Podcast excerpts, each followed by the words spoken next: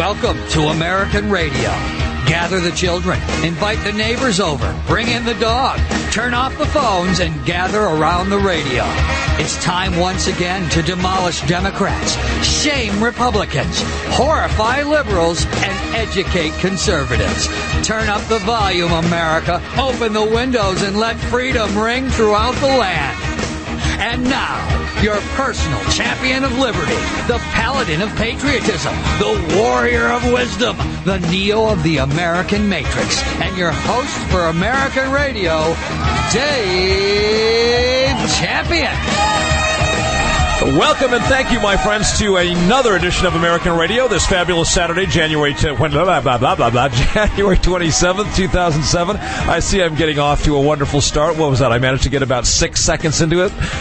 All right, got lots of great stuff for you, my friends. First of all, before we go any further, I want to tell you that Patrick worked long and hard, and we finally have the Inner Sanctum up on the website. Now, you might be saying to yourself, what the hell is the Inner Sanctum? Well, that's only because uh, we haven't actually used the Inner Sanctum, uh, the, the I don't know, the, the imagery for it has been on the website, but we haven't really done anything with it. Well, we did something with it, and I want to tell you what that is. First of all, the Inner Sanctum, if you go to American Radio's homepage, you'll see on the left um, some information about the show and stations that carry the show and so forth. And then below that, you're going to see something that looks so a little bit like an old-fashioned movie theater stage with the curtains pulled aside, um, and it's going to have the words in there, Inner Sanctum.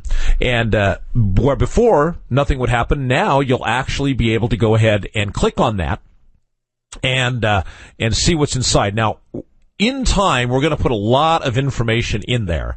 Um, however, for now, what you will find there is not trivial, my friends. It is the promotion material for the American Radio Rifle Course.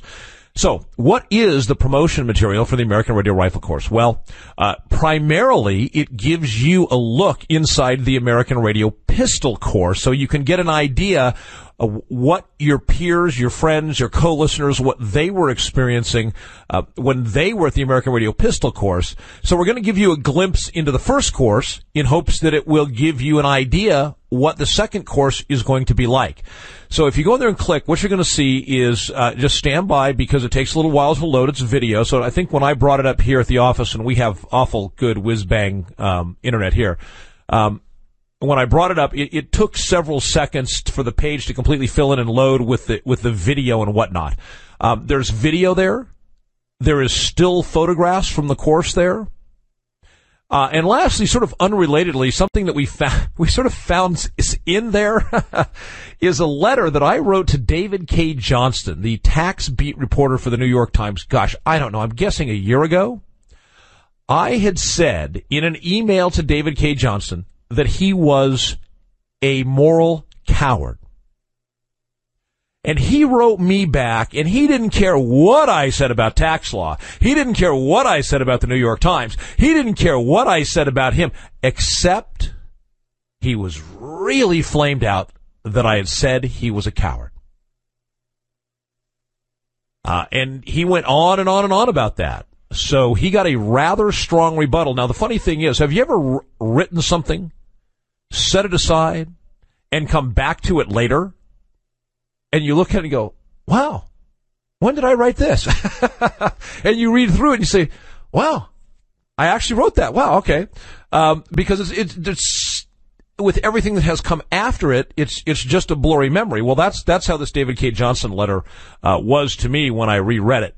Um, but it's it's there. It's part of the inner sanctum. So we just left it there. It's there for you to read. It's in PDF format. So if you go to the inner sanctum, you're going to see the video from the American Radio Pistol Course. You're going to see uh, see the still photos. By the way, at the end of the video, right after yours truly shoots for the video, um, right after that, there are the dates of the American Radio rifle course. So if you didn't get those dates on the gajillion times I've given them out, they are there. They appear on screen at the end of the video, uh, so you can get those. And of course, the David Cay Johnston letter is there. So that's what's in the inner sanctum. We will be doing more with that in the future. Um, there are some changes happening here. I think I mentioned a few weeks back that I'm going to be disconnecting from my desk. Hey, Pat, can you do me a favor? I know we're reworking all the equipment. Can you give me a little more volume in here? I feel like I'm yelling into a thing. Oh, is it me? Something? Oh, there we go. I can still use that. All right, sorry, folks. We're, we we've got all this new equipment we're trying to work with, and I'm trying to figure out. You know, Pat knows what it all is, and I'm just learning on the fly. All right. So, uh, where was I? We were talking about the inner sanctum, talking about the rifle course. All right. Well, I guess we'll just move right on. Uh, you know, I found this really humorous. Now, I think uh, Charles Rangel, who is a congressman from New York and a Democrat, I think he is one of the biggest asses in Congress. However, I, I loved this line. In speaking of George Bush, he said, well, I really think he shatters the myth of white supremacy once and for all. I just love that line. Um, you know, speaking of George Bush, we had the State of the Union address. And you know, the more the Bush administration and the Republican Party continue to do things that are absurd and unrealistic, I find myself in the really disturbing position of agreeing with people like, oh God, I can't even say this. This is going to hurt me to even say this. Ugh. I agreed with Hillary Clinton. Oh God, did I say that? Oh God, that's tough. Jeez, if I hadn't just said it to, you know, tens or hundreds of thousands of you, I'd, I'd probably disclaim it the second after it came out of my mouth. yeah, she said as far as the Iraq policy, it's just trust, it's just the same old message. We know what we're doing, we're going to prevail, trust us. That's exactly how I read it. We're the good guys. We're the guys in the white hats. We, we said that this was going to work and we're going to make this work. So trust us.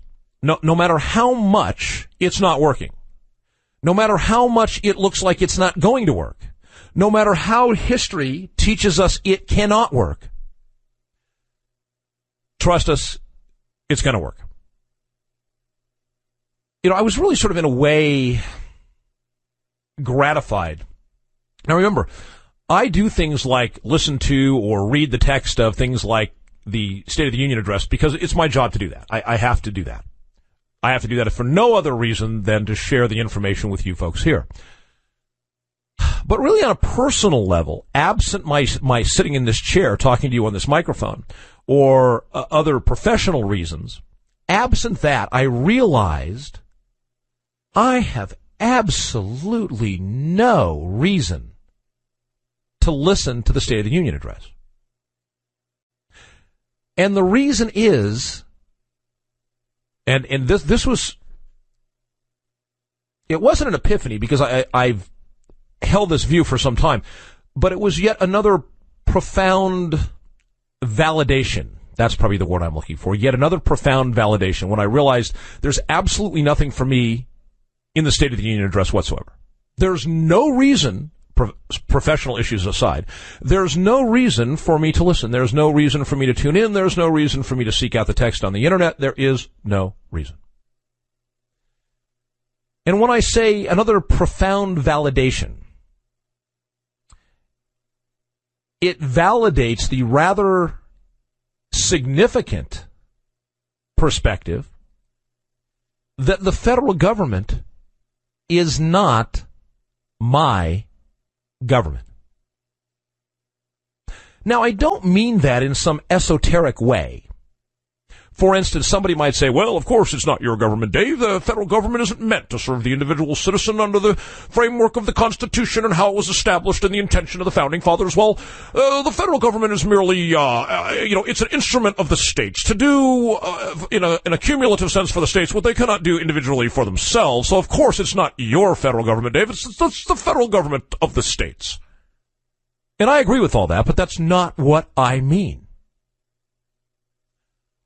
What I mean is that the federal government is involved in so many things that I find morally repugnant, or at the very least, completely inappropriate, wrongheaded, and unconstitutional. That's, that's, that's the good part, guys. Morally wrong, wrongheaded, unconstitutional. Okay? That's the good stuff. morally repugnant is on the other end of the scale. So whichever end of the scale I go to, there's nothing that the federal government is doing that I admire or support. Nothing. Nothing.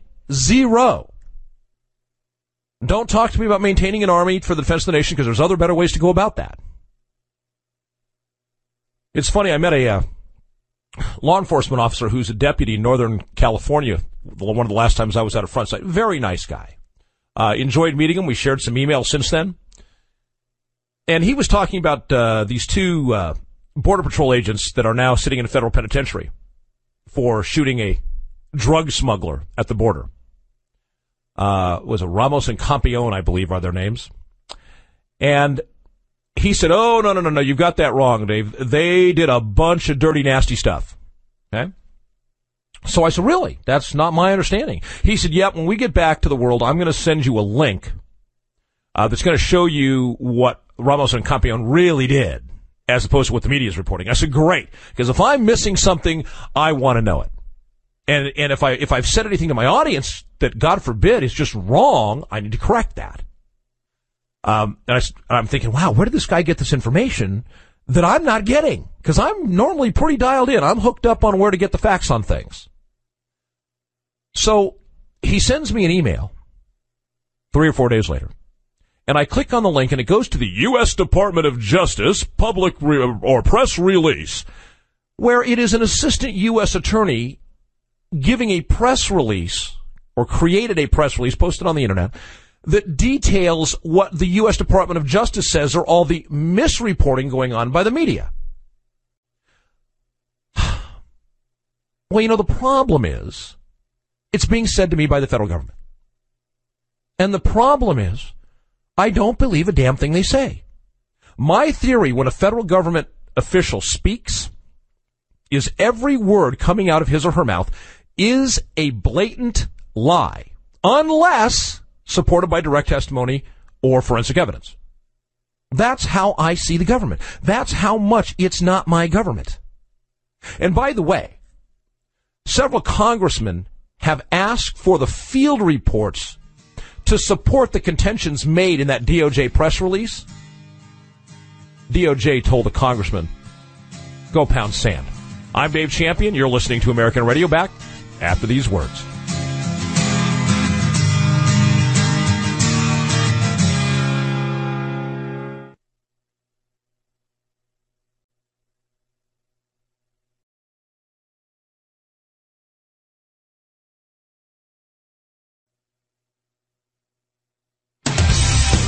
Of Americans are learning that they have no income tax liability.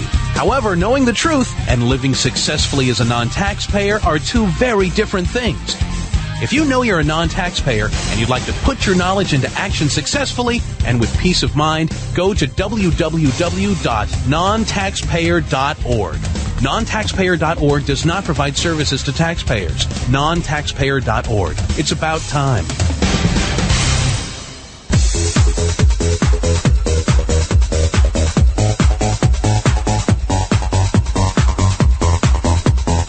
American radio, revealing the American matrix.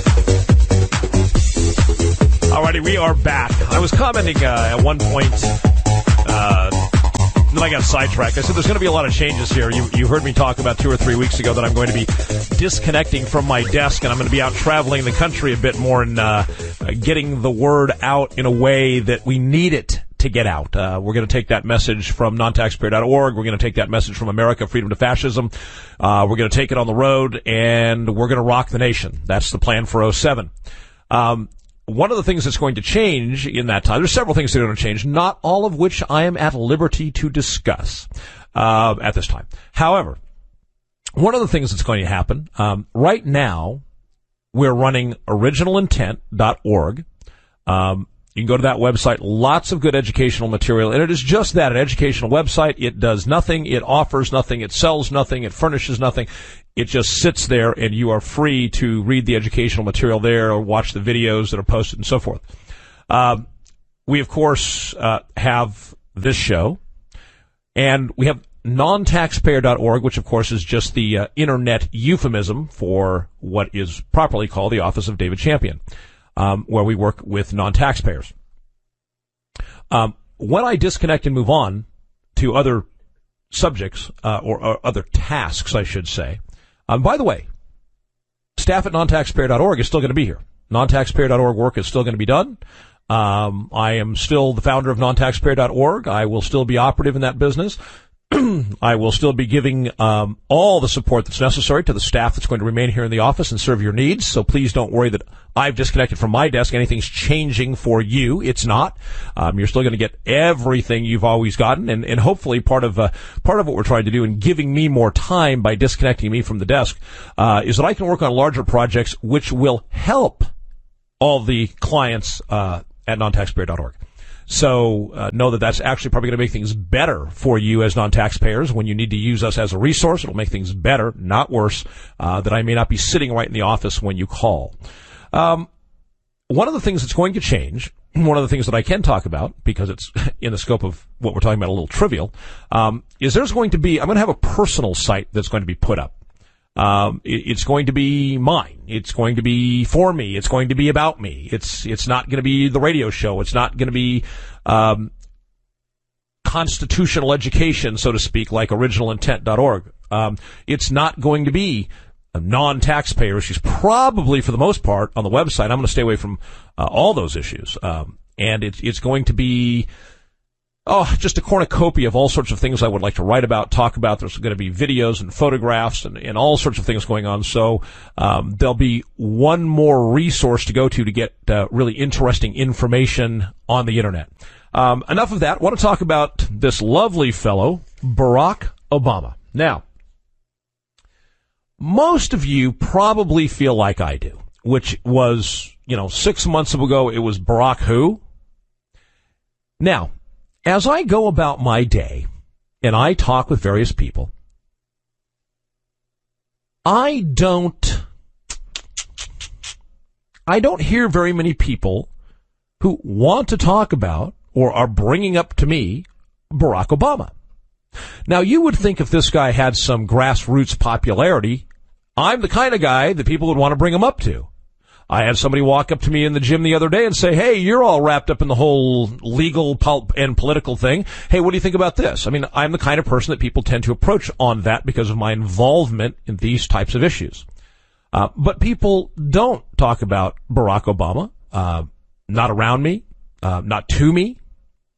And I think it's very, very interesting that every time I turn on any electronic media, Barack Obama, Barack Obama, Barack Obama. I'm trying to say that 27 times fast. But every time you turn on the electronic media, Barack Obama.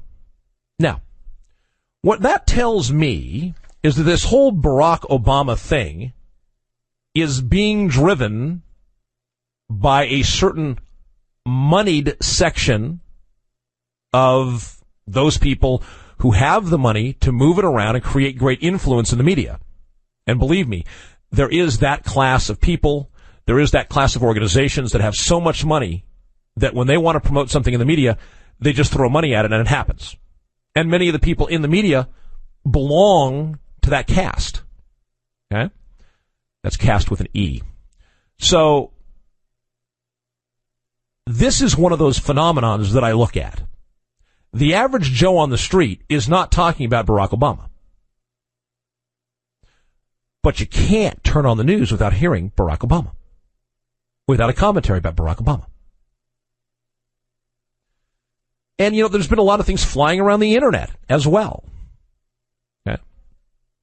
By the way, um, one of the things I don't like, one of the things that always has rubbed me the wrong way, whether it's about you, me, Barack Obama, is when people say things that are not true. Okay? One of the things people are trying to do right now is paint Obama as a Muslim or a Muslim super, uh, a sympathizer. Uh, Barack Obama, by his own words, is a a Christian. He claims to be saved, which you know that goes to the sort of the born again concept. Um, and he's been a member of the church where he is a member since I believe 1986. So it's not that he's trying to put on some patina that he's a Christian to get by uh, in a Christian nation, but he's really a Muslim. No, it's not that way. Okay, so first of all, let's put that to rest. Second of all, He has now come out saying that the United States should have universal health care within the next six years. Now, you know I like to make predictions, and I think every single one I've made on this show has either come true or is pending and sure looks like it's going to come true, and I'm going to go out on a limb again. Barack Obama is going to be the vice presidential candidate on the Hillary Clinton ticket. That's what this is all about. He does not have the political legs to run for president. He's going to be taken on as a VP. My prediction is by Hillary Clinton. I'm Dave Champion. You're listening to American Radio. Back after these words.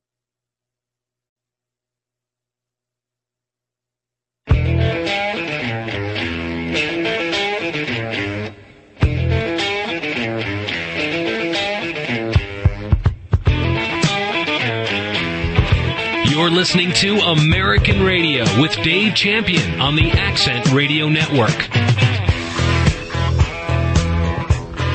Alrighty, you asked for it, and now you're going to get it. I've gotten a ton of emails asking me why I have not spoken about. Was that quick enough? Must have pushed the wrong button there. That music just went away instantly. Um, a lot of you have sent me emails asking why I'm not talking about the uh, the Ed Brown case uh, out in Plainfield. Oh my gosh, my gosh, my gosh. Well, at first, when I started getting bombarded with emails about the Ed Brown case, I'll tell you frankly, I didn't know anything about it, and I'm not about to get on the air and talk to you about something I don't know anything about. So I had to do some research into it to make sure that what I brought to you is factual and beyond the raw facts of the case, that what I bring to you is, I believe, what the correct rational spin is on the case. I mean, what, how does it really, what does it really look like? How, how does it need to be viewed, uh, as opposed to just having raw facts? So I've done several things um, in preparation to, uh, for speaking to you. I've read the indictment okay, of Ed Brown and his wife. I have read the jury instructions, which apparently was Ed's big issue. Um, and I have talked to Ed on the phone. I called originally to see if I could have him on the show as a guest. After speaking with him on the telephone, I decided that that would not be a, a good idea. Um, he, if, if, there's if there's a personality, temperament, um, or style that is less conducive to being a guest on a radio show, I, I don't know what that would be. Um, certainly, he is not cut out to be a radio show guest. Um, he was very terse. Uh, one of the things that I did not like is he attempted to create a false sense of urgency and drama. For instance, and mind you, I'm, I'm starting with my impressions, and we'll, we'll get back to the legal facts of the case. Uh, he, one of the things I said I'd, I'd like, I'd be very interested in having you as a guest on the show. Well, you better hurry up. The feds are on their way right now. What do you mean? Oh, yep, better hurry up. Feds, feds are coming out. How do you know that? Did they call? Well, no. Is it reported in the media? Well, no. And eventually, when I asked enough questions, it became apparent that he had no idea whether the feds were coming out or not. And frankly, my perspective is they're not. Now, they will someday. Don't get me wrong. The system is not just going to stop because Ed Brown went home. And there is a bench warrant for his arrest right now. But in the scope of criminal warrants, a bench warrant is not particularly significant. Now, a bench warrant is going to get you taken in. Some warrants will not get you taken in. I, most people, I don't think, are aware of that. For instance, if you fail to show up for a misdemeanor court hearing, so the, the judge issues a misdemeanor warrant. Oftentimes, uh, let me, let me rephrase that. No, if you, if you don't show up for a hearing, you're going to get a bench warrant. So let me go back. Let's say the city attorney tells you to come down because they want to talk to you about filing misdemeanor charges against you. You don't go down. They say, well, the guy snubbed us. We're going to go ahead and file these misdemeanor charges. They file the misdemeanor charges. and, a, an arrest warrant for a misdemeanor is issued.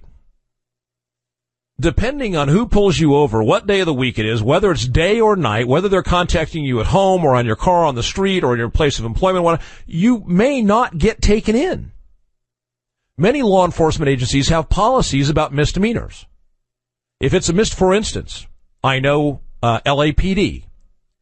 If it's a misdemeanor, they put a particular type of code on, depending on the type. If they're really busy, because there are grades of misdemeanors, but for most misdemeanors, they put a code on it. If it's after dark, they don't take you in on a misdemeanor. Huh.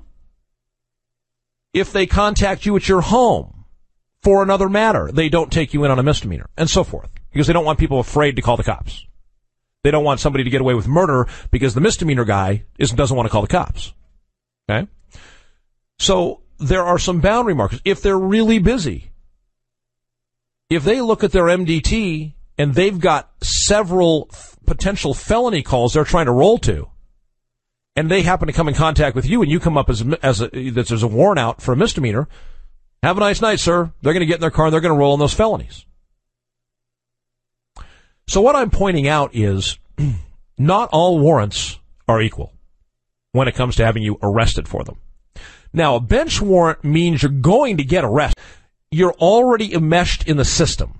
You already, I, I know Ed Brown would disagree with this, but in most cases, 99.9999% of the cases, you've already accepted the jurisdiction of the court. And then at some point, you just walked out. You said, I'm not participating in this anymore. And the judge says, well, yes, you are. We're going to have a guy with a badge and a gun bring you in here, and we're going to continue. So a, bench warrant typically is you are already at the judicial level, and for whatever reason you're no longer there, and that generates a bench warrant. Okay, that's different than merely having a prosecutor issue, uh, uh, it, it, file charges that then become a warrant. That's a different type of warrant. So if you have a bench warrant, you're going to be brought in at some point.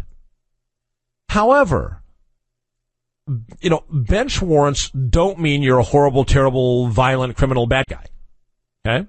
So bench warrants typically, unless the agency that's enforcing it has some additional knowledge, like you're armed and dangerous, this and that, and you're, you know, you just killed 37 people the, the month before. Short of something like that, the agency that's enforcing it, it it's just a bench warrant. There it is. Okay?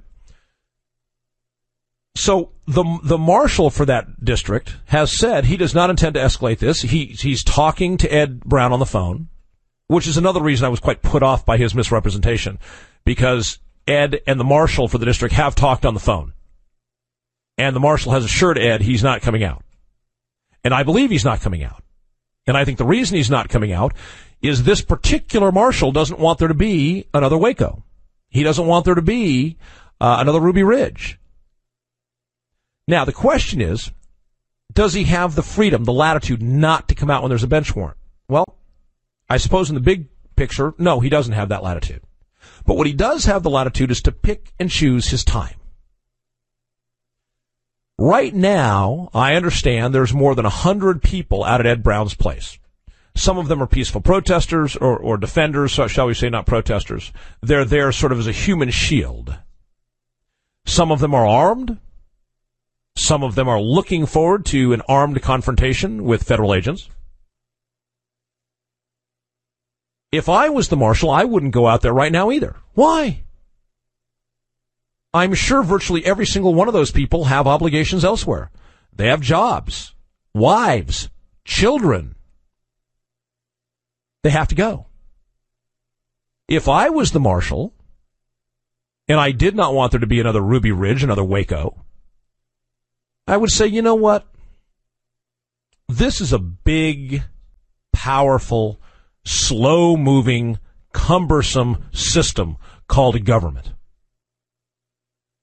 There is no need for me to go get Mr. Brown right now. If I get Mr. Brown a month from now, or six months from now, or a year from now, or two years from now, so be it. Now, The people that I am most concerned about in all of this is local law enforcement. It's a drag to get shot for no particular reason. Ed Brown has sworn that he's not going back to that courtroom. He's not going into federal custody. Well, once there's a bench warrant issued, that's going to be tied to his driver's license. So there he is, let's say, um, I don't know, six months from now, and he's driving down to the store to get a quart of milk. And he fails to use his blinker when changing lanes. And some local deputy or local police officer, well, he didn't use his blinker according to the vehicle code, got to pull him over and cite him for that. And he approaches the car, and Ed Brown knows that that guy, once he runs his driver's license, is going to come up with that warrant. Ed Brown says, I'm not going back. I'm not doing it. I'm not I'm not going into their custody. So that young deputy walks up to Ed Brown's car and it's blown out of his socks right there and then. That's kind of a problem. So if I was the marshal, that's the only thing I'd really be concerned about. I want to make sure local law enforcement knows just stay away from Ed Brown. Because he's already said, if I have to use force not to go back, I'm going to use force, but I'm not going to that courtroom again. So as long as local law enforcement is told to leave him alone, the marshals have all the time in the world to take him into custody. They could take him into custody two years from now while he and his wife are out for their anniversary dinner. They walk out of the restaurant, they're, they had a few cocktails, they're feeling good, they're heading for their car, get surrounded by a bunch of armed federal agents, which you can imagine will be carrying heavy duty flak vests and AR-15s. Okay. The point is, it's a big cumbersome system. They don't need to do anything now, and I think the marshal's savvy enough, from what I get, savvy enough to know that. He doesn't have to act now. If he takes Ed Brown into custody two years from now, so what? And none of those people that are out there at Ed Brown's house now are going to be able to stay that long. That is the advantage that the government has in a case like this they don't have to act, but the people who are there to defend Ed Brown will not be able to stay. Advantage government. Something to think about. Now, on to the information. Well, I always encourage my clients not to do things that are violative of the law or even appear to be violative of the law. Ed Brown, according apparently according to 20 some odd American citizens, was involved in trying to hide financial transactions of substantial dollar value. He was indicted by the grand jury for that. Structuring. I think structuring is the most ridiculous crime on the books. There is a thing called the Cash Reporting Act if you receive or you furnish more than $10,000 in cash in certain circumstances, certain people by federal statute are required to complete a cash reporting act report. Some people go, ooh, I don't want my $12,000 transaction subject to a cash reporting act report. So I'm going to go in and give the guy 6,000 today and 6,000 tomorrow. Eh, that's structuring under federal law. That's because they're afraid of the Cash Reporting Act and the reports that are generated. That fear is completely irrational. And when I'm done with this, I'll come back and explain why that fear is irrational. However, structuring your transactions to avoid the Cash Reporting Act is, guess what? A crime. Don't do this. I know people to this day who do this. No matter what I tell them, they continue to do this. I hope they understand that the Browns were indicted for structuring. It's stupid. Also, when you conduct your financial transactions in such a way that the average American looks at it and goes, man, this guy was hiding his stuff. This guy was trying to be sneaky. When you do that, you open the door for the prosecutor to get an indictment and for the prosecutor to probably get a conviction. In not all, in most tax cases I've seen, the government won't bring a charge such as tax evasion or willful failure to file unless they have some other thing that you've done that shows that you're sneaky or can't be trusted. if they can convince a jury that you're sneaky or can't be trusted, oh, then they're going to get the conviction on the tax evasion or the willful failure to file. Because once the jury believes that you don't tell the truth or you're sneaky, why should they believe that your argument about the taxes? Why should they believe that you believe you weren't required or you weren't liable or you weren't this? Why should they believe what comes out of your mouth once the government has been able to prove that you lied or were sneaky? Huh. And there is actually a legal doctrine that operates in courtrooms. And it says if a juror believes that a person has lied, even in the smallest detail, that person, that juror is then free to believe that everything the witness said is a lie. Once there's one small little doubt about credibility, the jury or the individual juror is permitted under the law to then assume there's a problem with the credibility of every other statement made by that same witness. When I come back, I'm going to talk about the particulars of the jury instructions. Um, I'm going to talk about the Cash Reporting Act and why it is something that people should not fear and they should not go to jail for structuring out of an irrational fear. So please stay with me. I'm Dave Champion.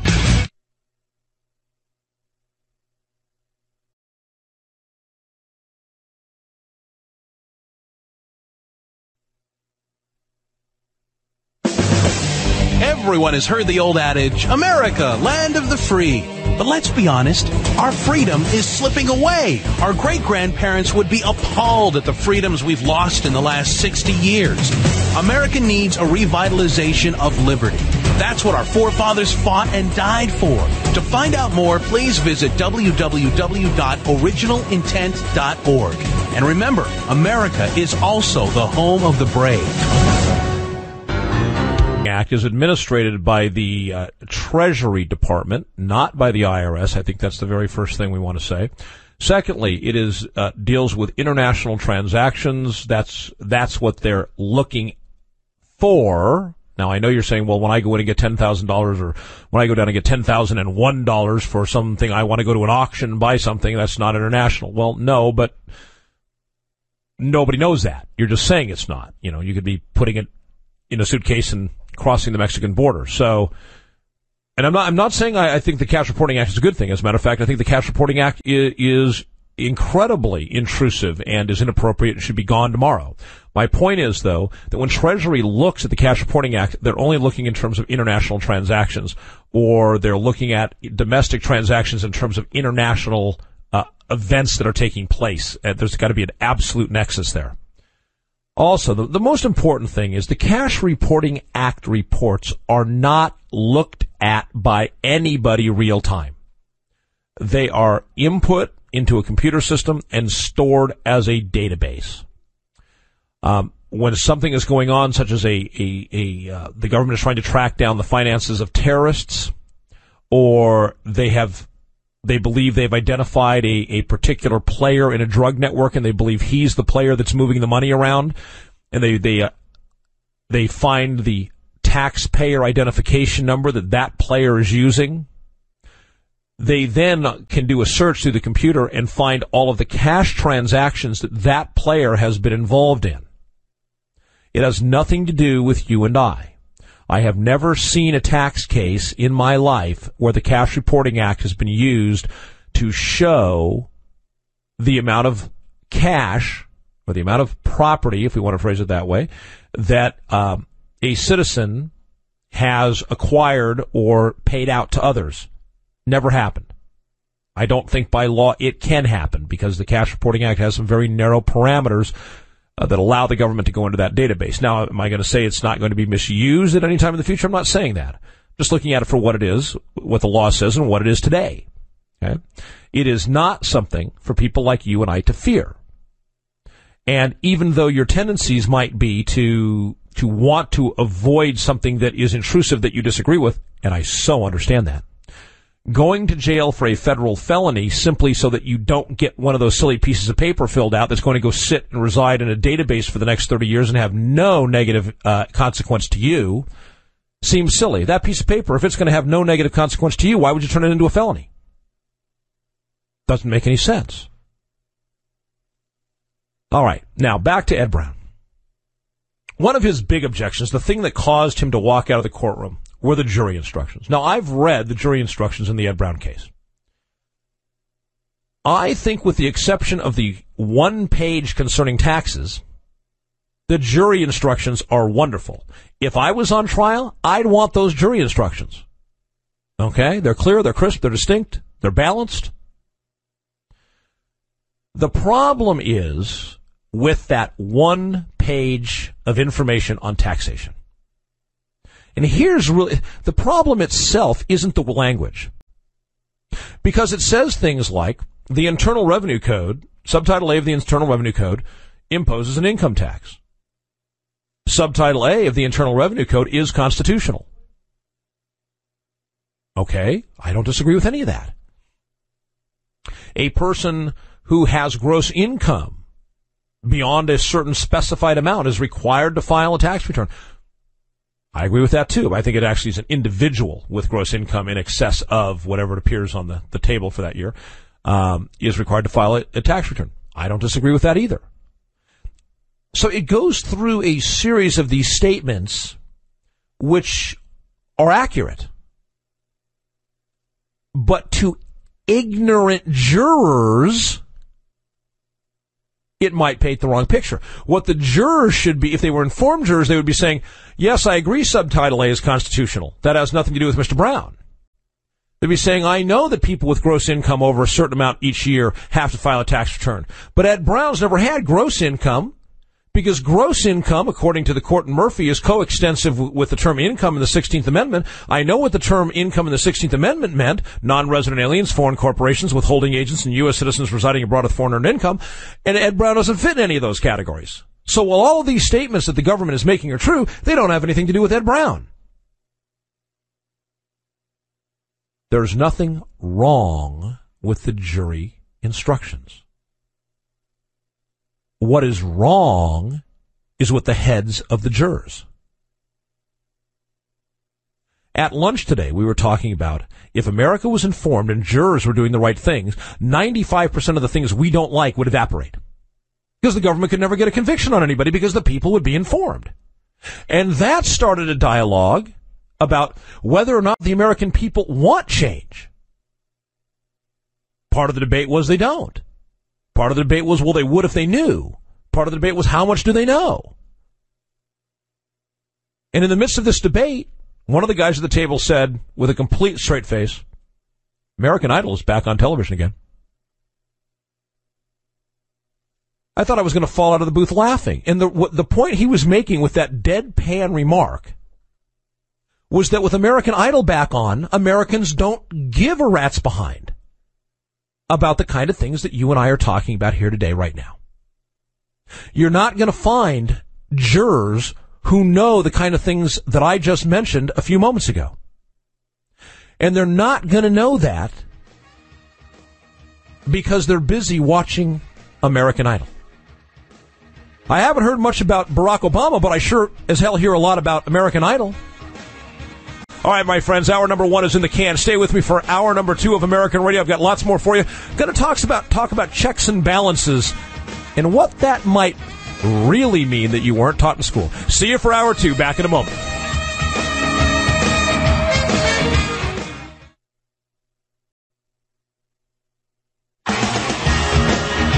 Welcome to American Radio. Gather the children, invite the neighbors over, bring in the dog, turn off the phones, and gather around the radio. It's time once again to demolish Democrats, shame Republicans, horrify liberals, and educate conservatives. Turn up the volume, America. Open the windows and let freedom ring throughout the land. And now, your personal champion of liberty, the paladin of patriotism, the warrior of wisdom, the Neo of the American Matrix, and your host for American Radio, Dave Champion. Welcome and thank you, my friends, to another edition of American Radio this fabulous Saturday, January t- blah, blah, blah, blah, blah, blah, January 27th, 2007. I see I'm getting off to a wonderful start. What was that? I managed to get about six seconds into it. All right, got lots of great stuff for you, my friends. First of all, before we go any further, I want to tell you that Patrick worked long and hard, and we finally have the Inner Sanctum up on the website. Now, you might be saying to yourself, what the hell is the Inner Sanctum? Well, that's only because uh, we haven't actually used the Inner Sanctum. Uh, the the don't know. The, the imagery for it has been on the website, but we haven't really done anything with it. Well, we did something with it, and I want to tell you what that is. First of all, the Inner Sanctum, if you go to American Radio's homepage, you'll see on the left um, some information about the show and stations that carry the show and so forth. And then below that, you're going to see something that looks so a little bit like an old-fashioned movie theater stage with the curtains pulled aside, um, and it's going to have the words in there, Inner Sanctum. And uh, where before nothing would happen, now you'll actually be able to go ahead and click on that and uh, and see what's inside. Now, in time, we're going to put a lot of information in there. Um, however, for now, what you will find there is not trivial, my friends. It is the promotion material for the American Radio Rifle Course. So, what is the promotion material for the American Radio Rifle Course? Well, uh, primarily it gives you a look inside the American Radio Pistol Course, so you can get an idea of what your peers, your friends, your co-listeners, what they were experiencing uh, when they were at the American Radio Pistol course. So we're going to give you a glimpse into the first course in hopes that it will give you an idea what the second course is going to be like. So if you go in there and click, what you're going to see is uh, just stand by because it takes a little while to load. It's video. So I think when I brought it up here at the office, and we have awful good whiz bang um, internet here. Um, when I brought it up, it, it, took several seconds for the page to completely fill in and load with the with the video and whatnot. Um, there's video there.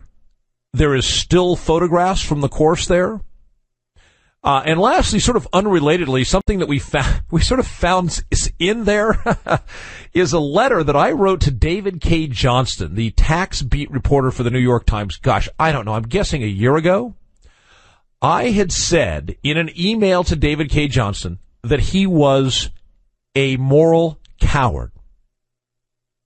And he wrote me back, and he didn't care what I said about tax law. He didn't care what I said about the New York Times. He didn't care what I said about him, except he was really flamed out that I had said he was a coward. Uh, and he went on and on and on about that. So he got a rather strong rebuttal. Now, the funny thing is, have you ever r- written something set it aside, and come back to it later, and you look at it and go, wow, when did I write this? and you read through it and you say, wow, I actually wrote that. Wow, okay. Um, because it's, it's, it's, with everything that has come after it, it's it's just a blurry memory. Well, that's that's how this David Cay Johnston letter uh, was to me when I reread it. Um, but it's it's there. It's part of the inner sanctum. So we just left it there. It's there for you to read. It's in PDF format. So if you go to the inner sanctum, you're going to see the video from the American Radio Pistol Course. You're going to see uh, see the still photos. By the way, at the end of the video, right after yours truly shoots for the video, um, right after that, there are the dates of the American Radio rifle course. So if you didn't get those dates on the gajillion times I've given them out, they are there. They appear on screen at the end of the video, uh, so you can get those. And of course, the David Cay Johnston letter is there. So that's what's in the inner sanctum. We will be doing more with that in the future. Um, there are some changes happening here. I think I mentioned a few weeks back that I'm going to be disconnecting from my desk. Hey, Pat, can you do me a favor? I know we're reworking all the equipment. Can you give me a little more volume in here? I feel like I'm yelling into a thing. Oh, is it me? Something?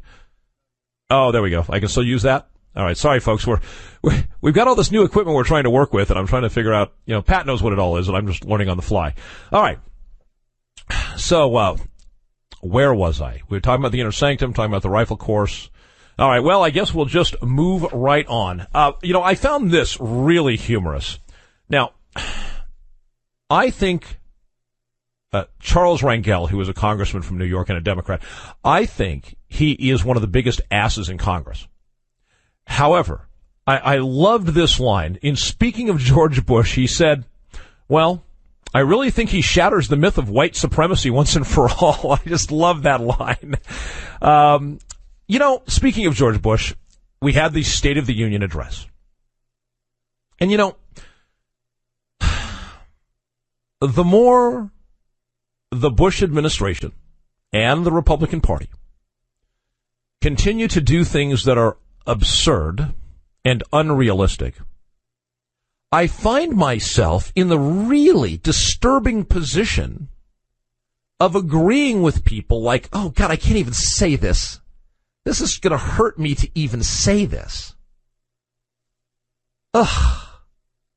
I agreed with Hillary Clinton. Oh God, did I say that? Oh God, that's tough. Jeez, if I hadn't just said it to, you know, tens or hundreds of thousands of you, I'd, I'd probably disclaim it the second after it came out of my mouth. yeah, she said as far as the Iraq policy, it's just trust, it's just the same old message. We know what we're doing, we're going to prevail, trust us. That's exactly how I read it. We're the good guys. We're the guys in the white hats. We, we said that this was going to work and we're going to make this work. So trust us. No, no matter how much it's not working. No matter how much it looks like it's not going to work. No matter how history teaches us it cannot work. Trust us, it's going to work. You know, I was really sort of in a way gratified now remember, I do things like listen to or read the text of things like the State of the Union address because it's my job to do that. I, I have to do that. I have to do that for no other reason than to share the information with you folks here. But really on a personal level, absent my, my sitting in this chair talking to you on this microphone or uh, other professional reasons, absent that, I realized I have absolutely no reason to listen to the State of the Union address. And the reason is, and, and this, this was, it wasn't an epiphany because I, I've held this view for some time, but it was yet another profound validation. That's probably the word I'm looking for. Yet another profound validation when I realized there's absolutely nothing for me in the State of the Union address whatsoever. There's no reason pro- professional issues aside, there's no reason for me to listen. There's no reason for me to tune in. There's no reason for me to seek out the text on the internet. There is no reason. And when I say another profound validation, it validates the rather significant perspective that the federal government is not my government. Now, I don't mean that in some esoteric way. For instance, somebody might say, well, of course it's not your government, Dave. The federal government isn't meant to serve the individual citizen under the framework of the Constitution and how it was established and the intention of the founding fathers. Well, uh, the federal government is merely, uh, uh, you know, it's an instrument of the states to do, uh, in, a, in a cumulative sense for the states, what they cannot do individually for themselves. So of course it's not your federal government, Dave. It's, it's the federal government of the states. And I agree with all that, but that's not what I mean. What I mean is that the federal government is involved in so many things that I find morally repugnant, or at the very least, completely inappropriate, wrongheaded, and unconstitutional. That's, that's, that's the good part, guys. Morally wrong, wrongheaded, unconstitutional. Okay? That's the good stuff. Morally repugnant is on the other end of the scale. So whichever end of the scale I go to, there's nothing that the federal government is doing that I admire or support. Nothing. Nothing. Zero. Don't talk to me about maintaining an army for the defense of the nation because there's other better ways to go about that. It's funny, I met a uh, law enforcement officer who's a deputy in Northern California one of the last times I was at a Front Sight. Very nice guy. Uh, enjoyed meeting him. We shared some emails since then. And he was talking about uh, these two uh, Border Patrol agents that are now sitting in a federal penitentiary for shooting a drug smuggler at the border. Uh, was it Ramos and Compean, I believe, are their names. And he said, "Oh no, no, no, no! You've got that wrong, Dave. They did a bunch of dirty, nasty stuff." Okay. So I said, really? That's not my understanding. He said, yep, when we get back to the world, I'm going to send you a link uh, that's going to show you what Ramos and Compean really did, as opposed to what the media is reporting. I said, great, because if I'm missing something, I want to know it. And and if I if I've said anything to my audience that God forbid is just wrong, I need to correct that. Um, and, I, am thinking, wow, where did this guy get this information that I'm not getting? Because I'm normally pretty dialed in. I'm hooked up on where to get the facts on things. So he sends me an email three or four days later. And I click on the link and it goes to the U.S. Department of Justice public re- or press release where it is an assistant U.S. attorney giving a press release or created a press release posted on the internet that details what the U.S. Department of Justice says are all the misreporting going on by the media. Well, you know, the problem is it's being said to me by the federal government. And the problem is I don't believe a damn thing they say. My theory when a federal government official speaks is every word coming out of his or her mouth is a blatant lie unless supported by direct testimony or forensic evidence. That's how I see the government. That's how much it's not my government. And by the way, several congressmen have asked for the field reports to support the contentions made in that DOJ press release. DOJ told the congressman, go pound sand. I'm Dave Champion. You're listening to American Radio back after these words.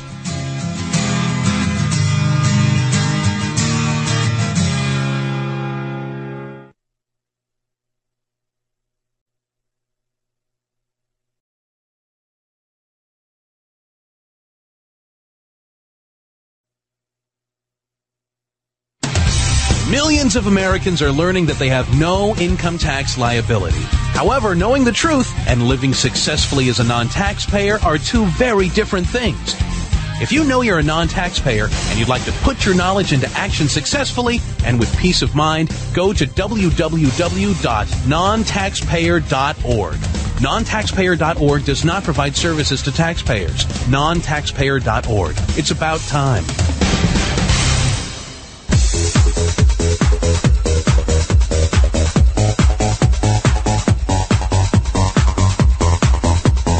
American Radio, revealing the American Matrix.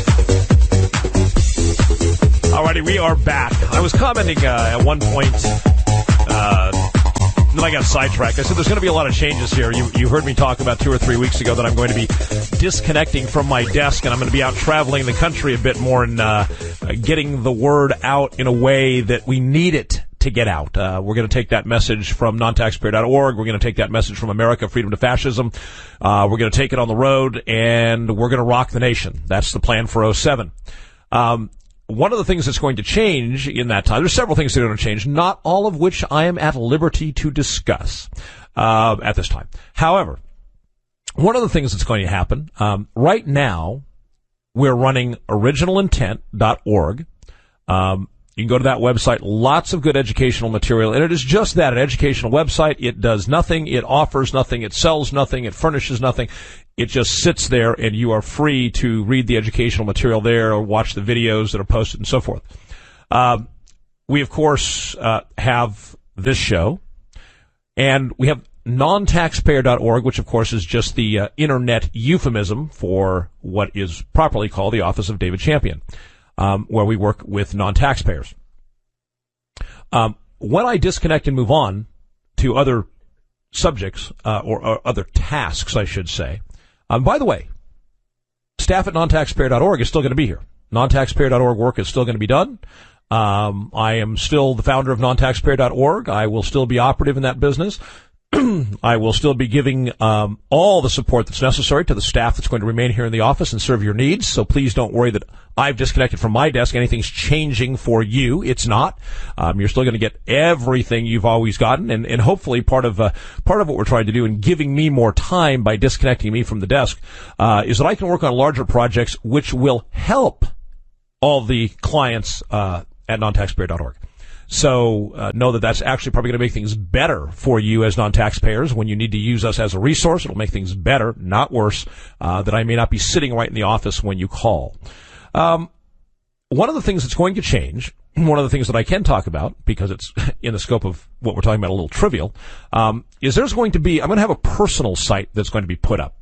Um, it, it's going to be mine. It's going to be for me. It's going to be about me. It's it's not going to be the radio show. It's not going to be um, constitutional education, so to speak, like originalintent.org. Um, it's not going to be non-taxpayer issues. Probably for the most part on the website, I'm going to stay away from uh, all those issues. Um, and it's it's going to be oh, just a cornucopia of all sorts of things I would like to write about, talk about. There's going to be videos and photographs and, and all sorts of things going on. So um, there'll be one more resource to go to to get uh, really interesting information on the internet.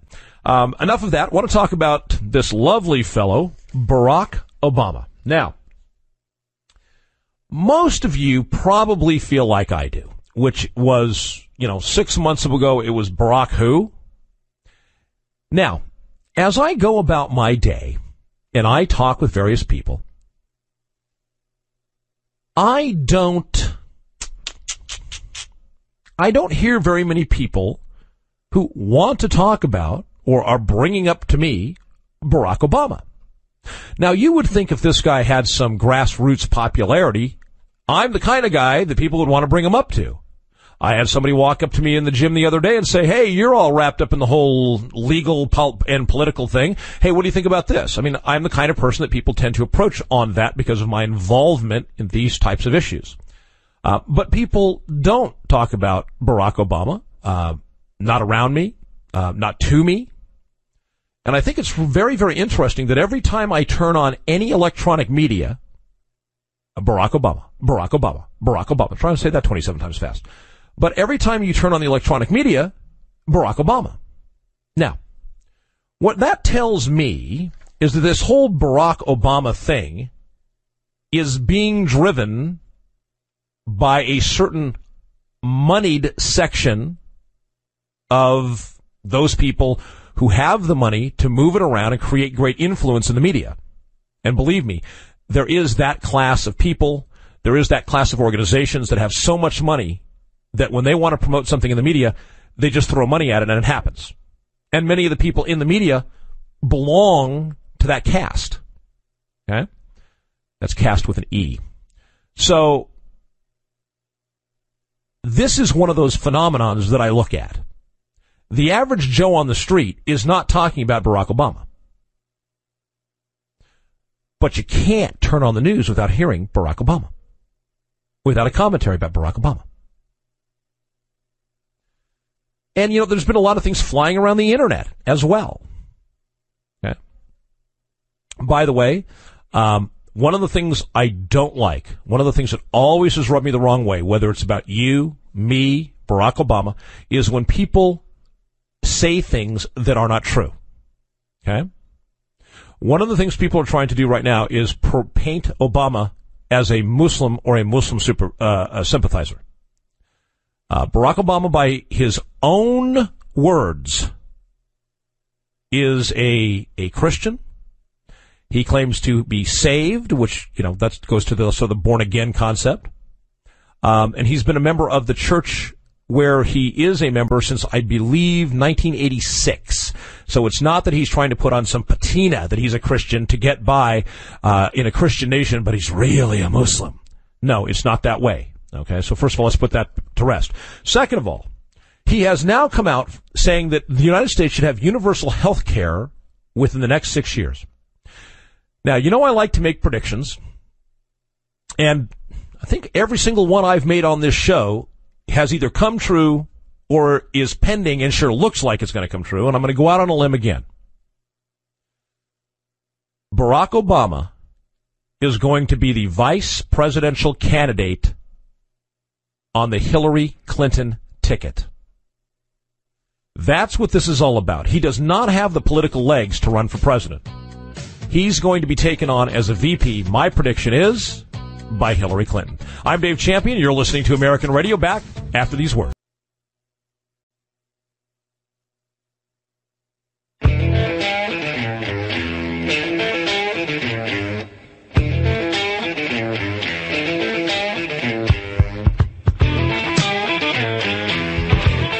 Listening to American Radio with Dave Champion on the Accent Radio Network. Alrighty, you asked for it, and now you're going to get it. I've gotten a ton of emails asking me why I have not spoken about. Was that quick enough?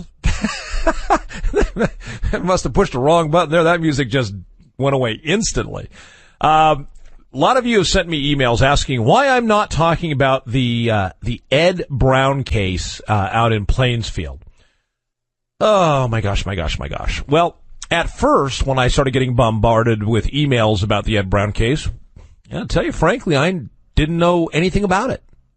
And I'm not about to get on the air and talk to you about something I don't know anything about.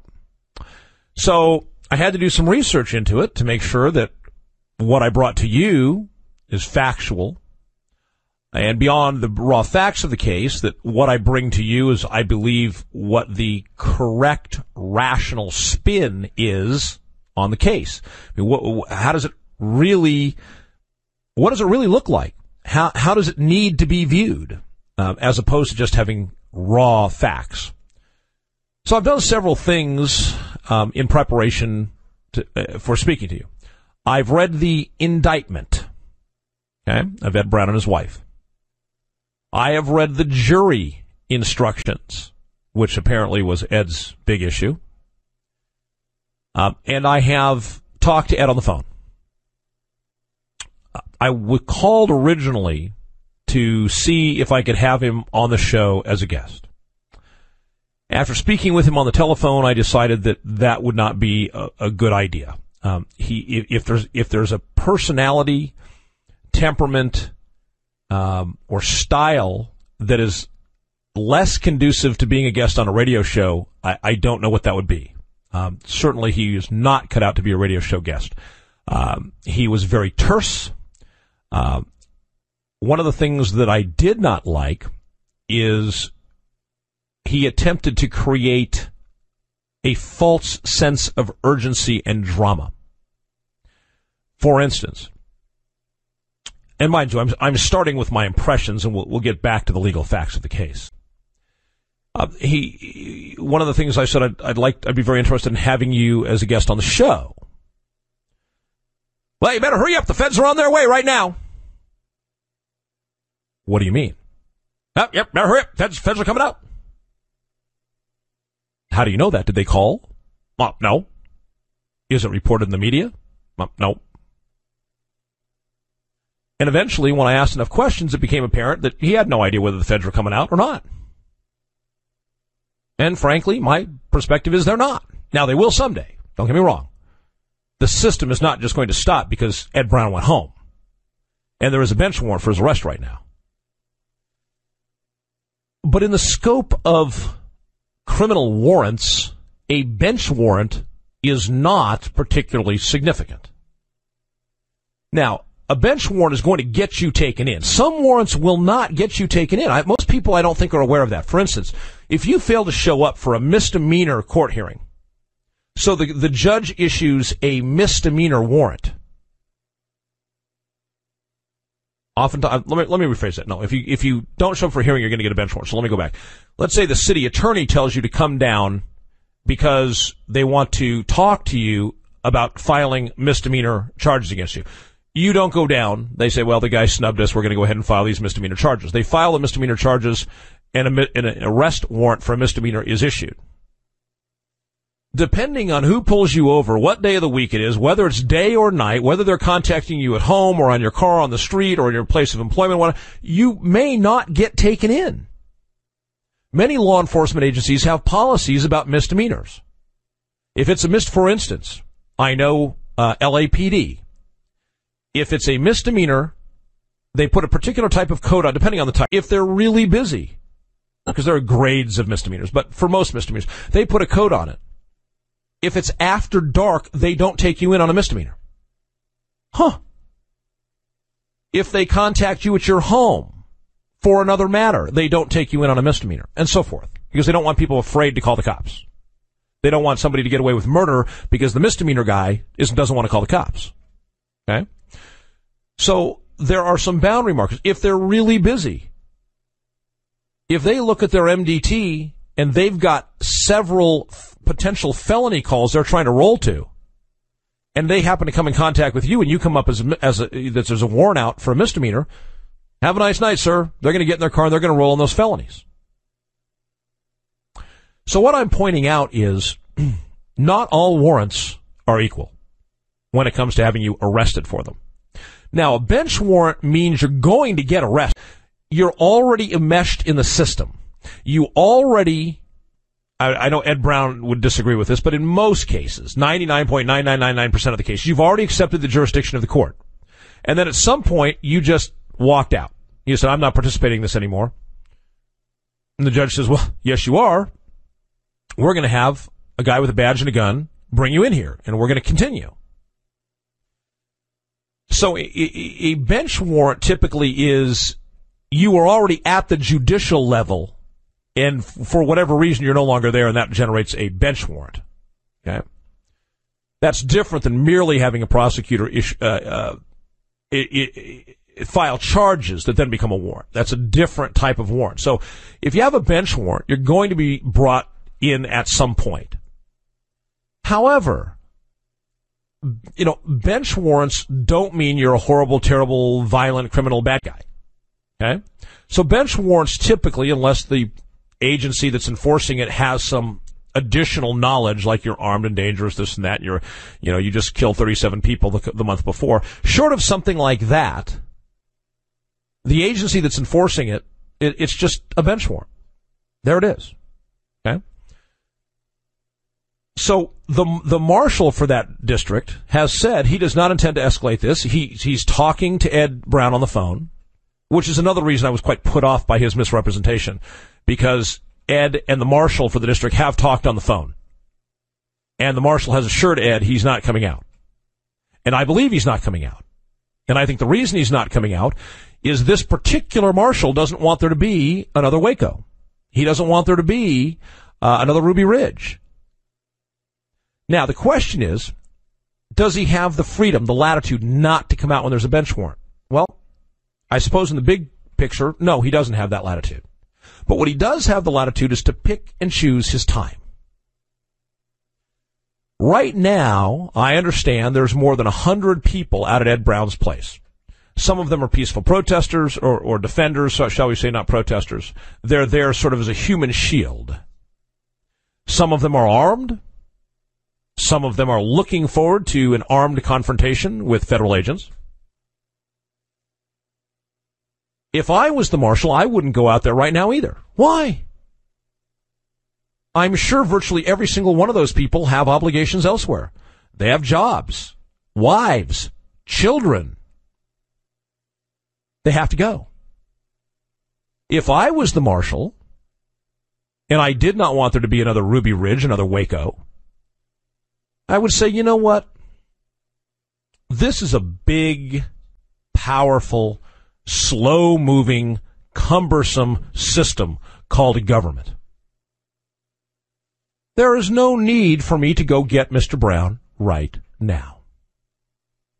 If I get Mr. Brown a month from now, or six months from now, or a year from now, or two years from now, so be it.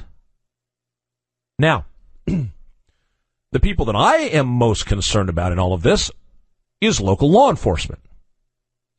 It's a drag to get shot for no particular reason. Ed Brown has sworn that he's not going back to that courtroom. He's not going into federal custody.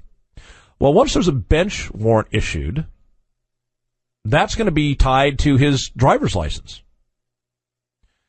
So there he is, let's say, um, I don't know, six months from now, and he's driving down to the store to get a quart of milk. And he fails to use his blinker when changing lanes. And some local deputy or local police officer, well, he didn't use his blinker according to the vehicle code, got to pull him over and cite him for that. And he approaches the car, and Ed Brown knows that that guy, once he runs his driver's license, is going to come up with that warrant. Ed Brown says, I'm not going back. I'm not doing it. I'm not I'm not going into their custody. So that young deputy walks up to Ed Brown's car and it's blown out of his socks right there and then. That's kind of a problem. So if I was the marshal, that's the only thing I'd really be concerned about. I want to make sure local law enforcement knows just stay away from Ed Brown. Because he's already said, if I have to use force not to go back, I'm going to use force, but I'm not going to that courtroom again. So as long as local law enforcement is told leave him alone, the marshals have all the time in the world to take him into custody. They could take him into custody two years from now while he and his wife are out for their anniversary dinner. They walk out of the restaurant. They're, they had a few cocktails. They're feeling good. They're heading for their car. Get surrounded by a bunch of armed federal agents, which you can imagine will be carrying heavy duty flak vests and AR-15s. Okay. The point is, it's a big cumbersome system. They don't need to do anything now, and I think the marshal's savvy enough, from what I get, savvy enough to know that. He doesn't have to act now. If he takes Ed Brown into custody two years from now, so what? And none of those people that are out there at Ed Brown's house now are going to be able to stay that long. That is the advantage that the government has in a case like this. They don't have to act, but the people who are there to defend Ed Brown will not be able to stay. Advantage government. Something to think about. Now, on to the information. Well, I always encourage my clients not to do things that are violative of the law or even appear to be violative of the law. Ed Brown, according apparently according to 20 some odd American citizens, was involved in trying to hide financial transactions of substantial dollar value. He was indicted by the grand jury for that. Structuring I think structuring is the most ridiculous crime on the books. There is a thing called the Cash Reporting Act. If you receive or you furnish more than $10,000 in cash in certain circumstances, certain people by federal statute are required to complete a Cash Reporting Act report. Some people go, ooh, I don't want my $12,000 transaction subject to a Cash Reporting Act report. So I'm going to go in and give the guy 6,000 today and 6,000 tomorrow. Eh, that's structuring under federal law. That's because they're afraid of the Cash Reporting Act and the reports that are generated. That fear is completely irrational. And when I'm done with this, I'll come back and explain why that fear is irrational. However, structuring your transactions to avoid the Cash Reporting Act is, guess what? A crime. Don't do this. I know people to this day who do this. No matter what I tell them, they continue to do this. I hope they understand that the Browns were indicted for structuring.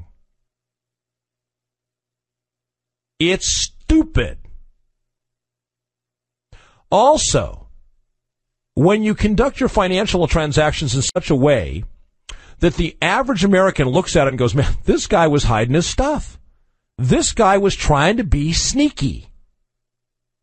When you do that, you open the door for the prosecutor to get an indictment and for the prosecutor to probably get a conviction.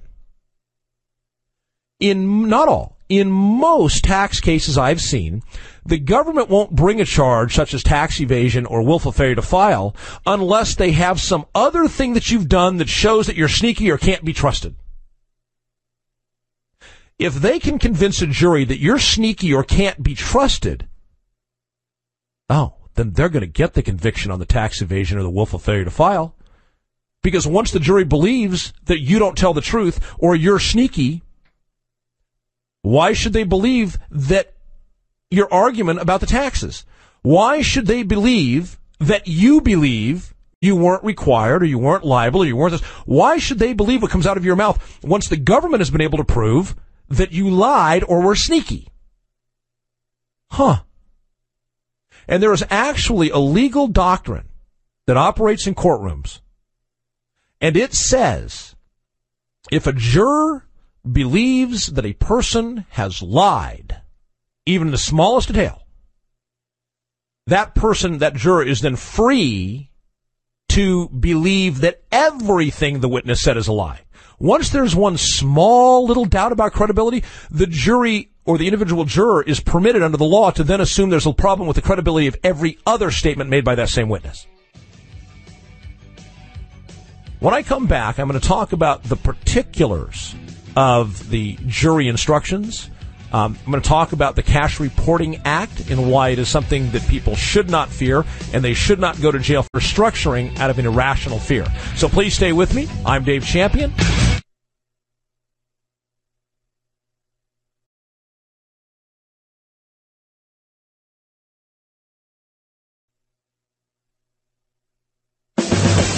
Everyone has heard the old adage, America, land of the free. But let's be honest, our freedom is slipping away. Our great grandparents would be appalled at the freedoms we've lost in the last 60 years. America needs a revitalization of liberty. That's what our forefathers fought and died for. To find out more, please visit www.originalintent.org. And remember, America is also the home of the brave. Act is administered by the uh, Treasury Department, not by the IRS. I think that's the very first thing we want to say. Secondly, it is uh, deals with international transactions. That's that's what they're looking for. Now I know you're saying, well, when I go in and get ten thousand dollars, or when I go down and get ten thousand and one dollars for something, I want to go to an auction and buy something. That's not international. Well, no, but nobody knows that. You're just saying it's not. You know, you could be putting it in a suitcase and crossing the Mexican border. So, and I'm not, I'm not saying I, I, think the Cash Reporting Act is a good thing. As a matter of fact, I think the Cash Reporting Act is, is incredibly intrusive and is inappropriate and should be gone tomorrow. My point is, though, that when Treasury looks at the Cash Reporting Act, they're only looking in terms of international transactions, or they're looking at domestic transactions in terms of international uh, events that are taking place. Uh, there's got to be an absolute nexus there. Also, the, the most important thing is the Cash Reporting Act reports are not looked at by anybody real time. They are input into a computer system and stored as a database. Um, when something is going on, such as a, a, a uh, the government is trying to track down the finances of terrorists, or they have they believe they've identified a, a particular player in a drug network and they believe he's the player that's moving the money around. And they, they, uh, they find the taxpayer identification number that that player is using. They then can do a search through the computer and find all of the cash transactions that that player has been involved in. It has nothing to do with you and I. I have never seen a tax case in my life where the Cash Reporting Act has been used to show the amount of cash or the amount of property, if we want to phrase it that way, that um, a citizen has acquired or paid out to others. Never happened. I don't think by law it can happen because the Cash Reporting Act has some very narrow parameters uh, that allow the government to go into that database. Now, am I going to say it's not going to be misused at any time in the future? I'm not saying that. Just looking at it for what it is, what the law says, and what it is today. Okay? It is not something for people like you and I to fear. And even though your tendencies might be to to want to avoid something that is intrusive that you disagree with, and I so understand that going to jail for a federal felony simply so that you don't get one of those silly pieces of paper filled out that's going to go sit and reside in a database for the next 30 years and have no negative uh, consequence to you seems silly. That piece of paper, if it's going to have no negative consequence to you, why would you turn it into a felony? Doesn't make any sense. All right. Now back to Ed Brown. One of his big objections, the thing that caused him to walk out of the courtroom, were the jury instructions. Now, I've read the jury instructions in the Ed Brown case. I think, with the exception of the one page concerning taxes, the jury instructions are wonderful. If I was on trial, I'd want those jury instructions. Okay? They're clear, they're crisp, they're distinct, they're balanced. The problem is with that one page of information on taxation. And here's really, the problem itself isn't the language. Because it says things like, the Internal Revenue Code, subtitle A of the Internal Revenue Code, imposes an income tax. Subtitle A of the Internal Revenue Code is constitutional. Okay, I don't disagree with any of that. A person who has gross income beyond a certain specified amount is required to file a tax return. I agree with that too. I think it actually is an individual with gross income in excess of whatever it appears on the, the table for that year um, is required to file a, a tax return. I don't disagree with that either. So it goes through a series of these statements which are accurate. But to ignorant jurors, it might paint the wrong picture. What the jurors should be, if they were informed jurors, they would be saying, yes, I agree subtitle A is constitutional. That has nothing to do with Mr. Brown. They'd be saying, I know that people with gross income over a certain amount each year have to file a tax return. But Ed Brown's never had gross income because gross income, according to the court in Murphy, is coextensive with the term income in the 16th Amendment. I know what the term income in the 16th Amendment meant. Non-resident aliens, foreign corporations, withholding agents, and U.S. citizens residing abroad with foreign earned income. And Ed Brown doesn't fit in any of those categories. So while all of these statements that the government is making are true, they don't have anything to do with Ed Brown. There's nothing wrong with the jury instructions. What is wrong is with the heads of the jurors. At lunch today, we were talking about if America was informed and jurors were doing the right things, 95% of the things we don't like would evaporate. Because the government could never get a conviction on anybody because the people would be informed. And that started a dialogue about whether or not the American people want change. Part of the debate was they don't. Part of the debate was, well, they would if they knew. Part of the debate was, how much do they know? And in the midst of this debate, one of the guys at the table said, with a complete straight face, American Idol is back on television again. I thought I was going to fall out of the booth laughing. And the, the point he was making with that deadpan remark was that with American Idol back on, Americans don't give a rat's behind about the kind of things that you and I are talking about here today, right now. You're not going to find jurors who know the kind of things that I just mentioned a few moments ago. And they're not going to know that because they're busy watching American Idol. I haven't heard much about Barack Obama, but I sure as hell hear a lot about American Idol. All right, my friends, hour number one is in the can. Stay with me for hour number two of American Radio. I've got lots more for you. Going to talk about talk about checks and balances and what that might really mean that you weren't taught in school. See you for hour two. Back in a moment.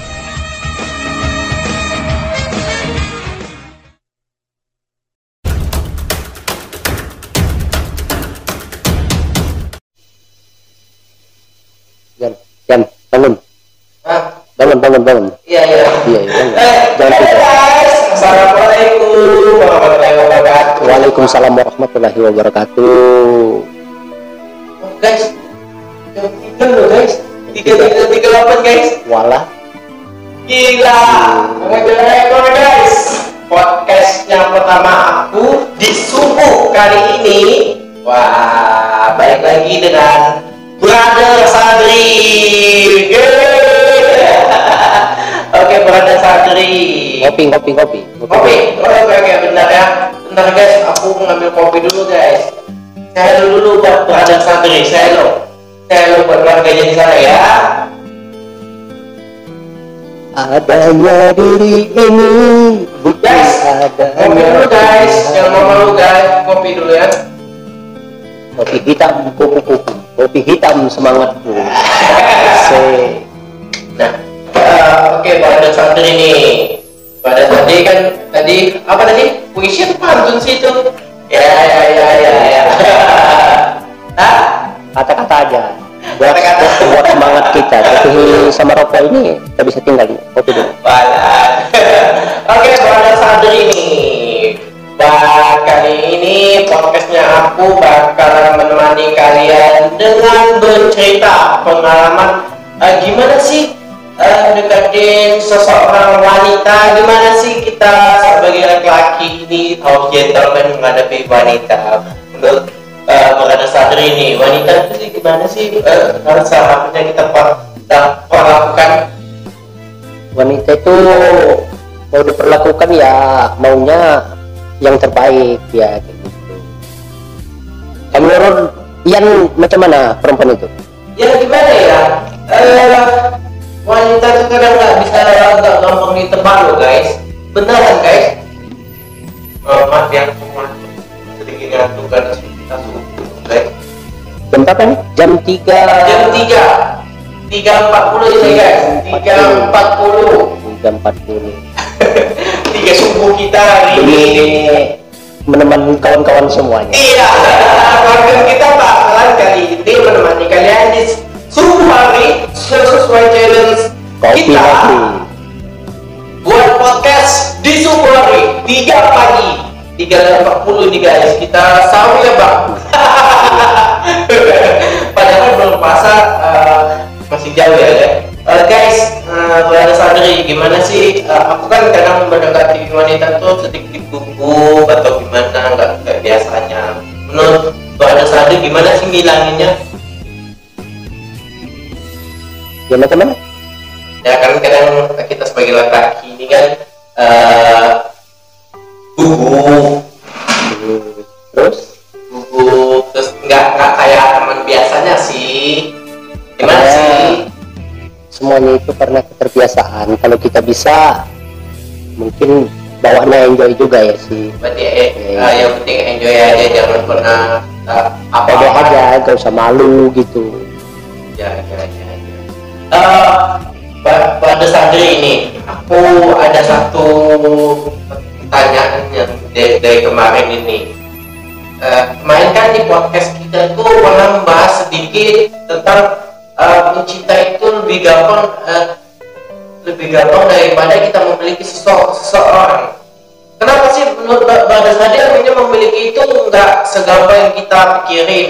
Kita kan kalau ingin memiliki tinggal menemui saudaranya orang tuanya kan lebih gampang. Ya memang gampang tapi tanpa persetujuan yang kita suka itu kan kita tak boleh.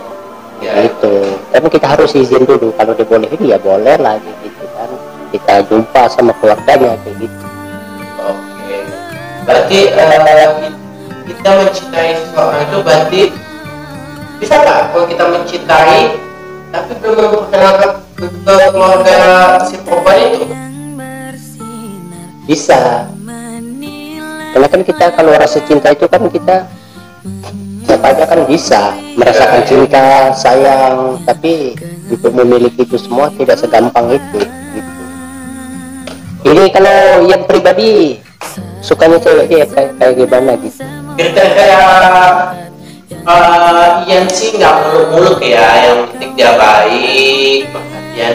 Yang bukan perhatian yang, yang maksud ini bukan perhatian yang berlebihan ya. Uh, yang paling nggak suka perhatian yang berlebihan itu nggak suka. Tapi uh, perhatian cari perhatian itu. Perhatian ya iya uh, di mana seorang wanita itu hmm, dikit-dikit manja nah. Karena kan bukan boleh manja tapi di pada waktunya pada tempatnya. Nggak semua tempat yang manja terus akhirnya kita malu terhadap teman-teman kita kan? Benar. Ini mau tanya juga sama Ian ya. Kalau Ian cewek itu sukanya yang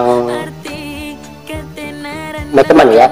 Dibilangnya baik tapi dandannya seksi gitu. Yang seksi tapi sikapnya orangnya baik. Macam mana? Kalau Ian pilih yang mana? Itu maksudnya baik dadanya seksi seksi. Ian pilih orang yang baik.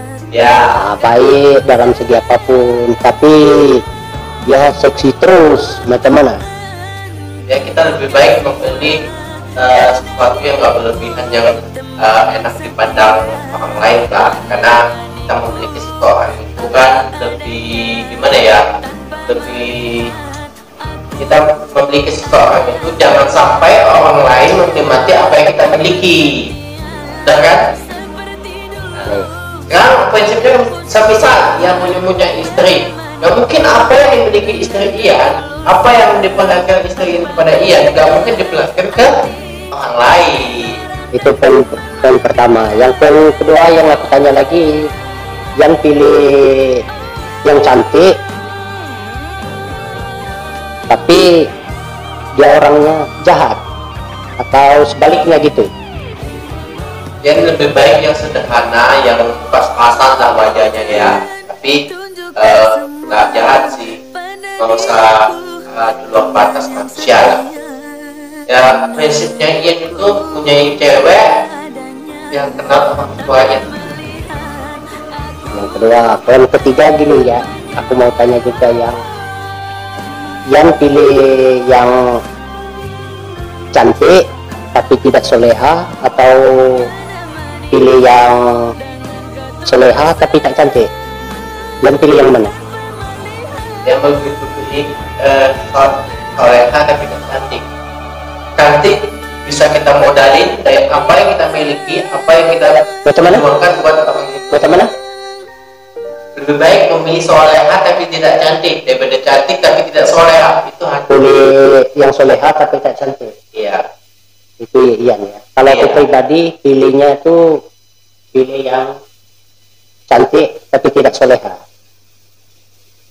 alasannya brother Sadri ini memiliki itu kenapa? Yang pertama kan kalau pilih yang cantik tapi tidak soleha karena kita sebagai laki-laki itu harus membimbing ke dia ke jalan yang terbaik. Dia udah cantik nih tinggal kita membimbing. Sebagai kita tapi laki-laki di kita harus sini poinnya tidak soleha yo. Ay, kan kalau soleha kan kita sebagai laki-laki bisa membimbing dia ke jalan yang terbaik. Coba kalau kita pilih yang soleha tapi tak cantik macam mana kita merubah kecantikannya itu? Iya iya iya. Ah, Bi- bis sekarang ini zamannya modern modernisasi loh. Umpamanya gini. Hidungnya miring. Ya. Dia soleha. Ah, mau ngebetulin miring hidung miring itu macam mana? Kan susah gitu. Modernisasi di zaman sekarang ini lebih baik eh, soleha dengan wajah yang papasan nantinya kita sebagai suaminya nanti ya mungkin ada skin care kita ini ya, lainnya kita sebagai laki-laki itu harus memilih yang terbaik kita. Yang terutama kita tengok kecantikannya. Kalau akhlak dia kepribadian dia kita sebagai laki-laki membimbing dia ke jalan yang terbaik gitu. Berarti pada sadari ini memilih poin pertama itu kecantikan berarti kecantikan duniawi bukannya berdua duniawi. Se- setiap laki-laki itu kan harus melihat dulu. Ya. Nah, rasa kita pernah merasakan cinta itu kan pasti melihat dulu. Ya. Baru dia terasa ya ya. Yang pilih yang yang soleha tapi tidak, tidak cantik. Ah, nah, ah, kalau dia udah soleha ya oke. Tapi merubah ke cantikannya itu macam mana?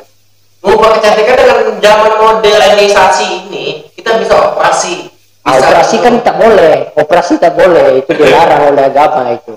Apa yang dikasih oleh Tuhan apa yang dikasih oleh, oleh sang pencipta itu kan tidak tidak hakiki di dunia. Tapi kan kita tak boleh merubah kita. Iya kalau awalnya tidak boleh berubah berarti kita mempertahankan apa yang diciptakan oleh Tuhan. Nah kau tadi mau operasi kata iya. Kan itu dosa yang sedang-sedang saja kalau bisa kayak gitu Iya, iya. Berarti eh, pencahayanya Bang Sadri ini poin yang pertama yang Bang Sadri lakukan untuk mencari pendamping hidup adalah eh, memilih kecantikannya dulu. cantik dulu biar kita kecantikan duniawi dulu. Setelah itu poin kedua, ah, baru sifat dia sifat dia kan Sifat. kita sebagai laki-laki kan membimbing dia ke jalan yang terbaik kalau Iya. kecantikan tak boleh dirubah namun Sifat- kalau sifat sifat- dia kan bisa kita membimbing ya yang sifat itu emang seseorang bisa kayak batu di tetes air pasti bolong kan. Nah, but, eh, untuk menurut kriteria dari dua itu, apakah ada tambahan dari segi kekayaan atau pekerjaan? kalau kekayaan itu yang penting itu kita rukun aja kalau keluarga itu udah cukup lah ada semuanya itu setiap keluarga tak mungkin tak punya masalah pasti ada masalah kayak gitu Iya, iya, iya. Berarti dari segi Bang Sadri ini untuk mendapatkan seseorang itu lebih sulit daripada eh, kita gini ya. se- Semisal Bang Sadri mem- memilih kecantikan, nah, berarti Bang Sadri sudah memilih untuk meluruskan sifatnya dari yang nakal ke baik. ya gitu Berarti Bang Sadri membentuk dari eh, dari kepribadiannya dari nol. Ya dari nol Ah, itu nggak nggak mempengaruhi kecantikannya itu. Nah, yang dipertanyakan sendiri kita mau perbaiki akhlaknya, kecantikannya gimana? ya kan itu tadi Ian yang pilih yang kayak gitu pilih yang akhlak baik tapi kecantikannya kan Ian yang pilih kayak gitu kalau kita pilih yang cantik tapi dia ibaratnya kurang baik kan kita sebagai laki-laki apa itu kan mengajarnya ke jalan yang terbaik namun kalau dia udah jelek namun kita operasi kan tak boleh kan gitu Ya, iya. Berarti eh, eh, timbul di benak Ian itu sekarang berada, ya, ya berada. Eh, berarti eh, katanya Bang Sadri ini kecantikan sifat baru kekayaan. kekayaan kalau begitu terpaku Berarti kekayaan itu nomor sekian-sekian di ke bawah ya. yang penting itu cukup aja Tapi dengan adanya kriteria eh, Bang Sadri dari eh, meng- mengutamakan kecantikan dulu membeli seorang wanita, apakah Bang Sadri sudah siap dengan menanggung resiko-resiko yang bakalan terjadi ke depannya? Nah, itu macam mana ya resiko-resiko yang bakalan terjadi karena semisal is- eh, calon istrinya abang eh, yang abang pilih ada ke- kecantikannya dulu, berarti cantik kan? Wah, Yang direbut oleh kaum pria lainnya. Nah, Bang Sadri eh, sudah siap menanggung resikonya itu belum? kalau kita namanya udah keluarga itu baik buruk udah siap kayak gitu baik kita jalanin buruk ya kita jalanin kayak gitu Ya, ya. Baik. Berarti Bang Sadri sudah siap dengan apa yang bakalan terjadi ke depannya. siap Yang oke dari segitu yang sudah ngerti. Buat kalian yang belum ngerti langsung aja komen di official real inspiration. Komen di bawah ya dengan ide-ide kalian nanti ditampung di situ. Thank you banget. Eh, buat ini ya selanjutnya di subuh ini Bang Ian mau tanya nih. Nah, sampai saat ini ada nggak di benak Bang Sadri bakalan menikah di umur berapa? kalau masalah jodoh itu kita tak bisa ditargetkan Targetnya berapa? minimal itu setahun dua tahun lagi lah kalau itu pun besok udah sampai Guys! siap kita laksanakan Dua tahun lagi guys! Oke guys, eh, eh, dua tahun Berarti eh ngomong kalian kapan nih kalau diizinin bulan depan dong. cewek apa lagi itu jangan pula kan sama lagi bahaya nih Enggak. Gini, oke. Menurut Bang Sadri itu kecantikan. Ini ada yang tanya, Bang Sadri memilih di daerah kampung atau Bang Sadri menemukannya ya mungkin di tempat hiburan atau di bulan malam kali itu. Nah, itu menurut Bang Sadri kecantikan. Dan apabila Bang menu- mengutamakan kecantikan berarti gini dia ya logikanya kayak gini gini ya kita udah jelek nih ya Ya. pribadi udah jelek setiap orang jelek itu pasti mau mendapatkan yang terbaik kayak gitu. Ya. mungkin kita udah jelek dia udah jelek setidaknya kita berusaha semaksimal mungkin kalaupun itu udah jodoh kita kita tak bisa mengelak kayak gitu. Iya. yang juga kayak gitu tak mungkin lah yang udah jelek berusaha yang ter, yang jelek pasti pengennya yang terbaik gitu kan selagi kita bisa namun jodoh kita tak bisa tentukan gitu. mau jodoh orang sini mau orang mana kayak gitu kan. Namanya kita suka suka sama suka. Ya udah kayak gitu. Oh, berarti hmm, ini ada pertanyaan. Seumpama, seumpama Mas Sandi menemukannya di daerah diskotik, seumpamanya. kalau di diskotik itu rasanya itu susah lah. Karena cewek-cewek kayak gitu tuh udah macam mana ya pergaulannya udah luas lah. Sedangkan kita ini apalah ya? Kan mungkin tapi kalau jodoh kita tak tahu lah. Gitu kan ya. Berarti dengan konsepnya yang bakalan terjadi di ke depannya bang tadi mengutamakan kecantikan. Tapi berbeda dengan ini karena ini lebih takut karena apa? Uh, wanita yang lebih cantik itu lebih takut eh, uh, itu. ya kan namanya kita kan kita sebelum gagal itu kan kita coba dulu. Kalau kita berbagi kegagalan itu pasti awal daripada keberhasilan. Sebelum gagal kita coba dulu. Jangan kita mundur dulu. Gitu. Tapi Bang Sandi pernah pernah merasakannya apa yang terjadi nantinya kalau Bang Sandi memiliki seorang cantik tapi Bang Sandi sedang berusaha memperbaiki tapi ke depannya ada ya bah- bahasa kasarnya itu kalau di, di laki-laki di wanita itu pelakor ya. Lapor apa pelamor pelakor itu laki ya? Tidak tahu juga. Ah gimana menurut tanggapan Sandi pelakor itu perebut laki orang. Ya. Berarti kalau cewek pelapor deh ya ya kalau kita salah mohon diperbaiki. Gitu kan. ya. Eh, Bang Sade itu gimana? Karena kan Bang Sade sudah memilih karyanya kecantikan dulu. Karena kan dengan kecantikan seseorang pasti memperebutkan sesuatu. Barang yang bagus ke bakalan sepi dari kalau peminatnya yang pribadi suka yang pahit atau yang suka yang manis? Yang suka yang manis lah. Alasannya kenapa? Karena sesuatu yang manis itu kan baik untuk tubuh enggak, enggak semua yang pahit itu baik. Pahit itu bisa bisa aja kita racun kalau aku memilih yang pahit. Kenapa? Karena kalau kita belajar yang namanya pahit itu pasti terdapatnya yang manis juga ya ya. berarti eh, lebih ke ke sininya Bang Sandi sudah menetapkan kriteria wanita idamannya itu yang nomor satu adalah kecantikan. Kalian Eh, kalau yang nomor eh, kalau nomor satu Ian adalah eh, urusan akhiratnya dulu. Dia harus soleha dulu. Karena dengan dia soleha Ian sedikit sedikit mengerti agama walaupun dia nggak sepenuhnya nggak semuanya yang ngerti tapi kan dia bisa bang ini salah itu bang kita saling memberitahu. Dia soleh. Tapi udah lama rumah tangga yang bosan macam mana itu?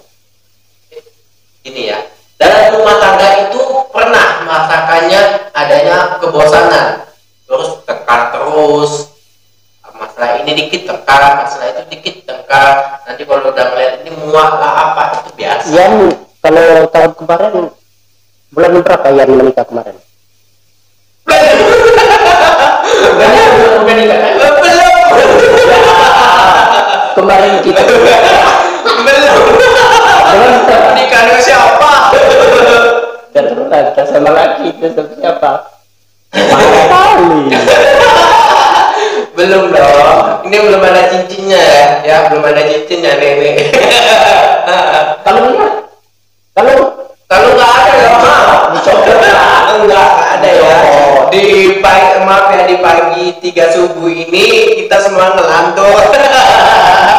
Maklum kita bikin channel podcast dengan di pukul ti- tiga subuh ini. Semoga kalian terhibur. Oke buat kalian semuanya dengan apa sih pesannya Bang Sadri buat pejong-pejong cinta?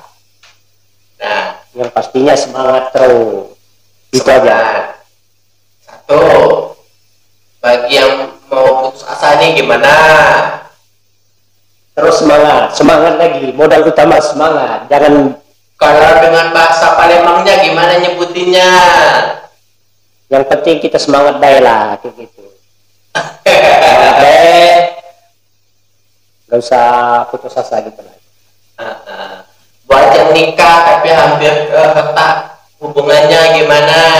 semangat lagi cari yang baru lagi pada saat ini, aduh. Eh, eh, pada saat ini itu apa mempertahankan orang yang tak peduli sama kita? Kalau yang tak peduli sama kita jangan ditinggalkan. Biar aja dia, dia pergi sendiri. Kalau dia udah pergi kita cari lagi. Semangat lagi. Ah, berarti eh, kriteria Bang Sadi ini mantannya udah banyak ini. tak, tak banyak tapi dengar-dengar kayak gitu. Semangat itu modal utama Semangat modal utama. Bosan dengan ini kalau dia marah-marah buka, tahu itu bukan udah bukan jodoh kita kata orang itu yang bunga bukan setangkai kumbang bukan seekor patah tumbuh hilang berganti hilang satu tumbuh seribu jadi semangat kita semua Oke, welcome back di my channel. Thank you, Bapak. See you next time. Bye.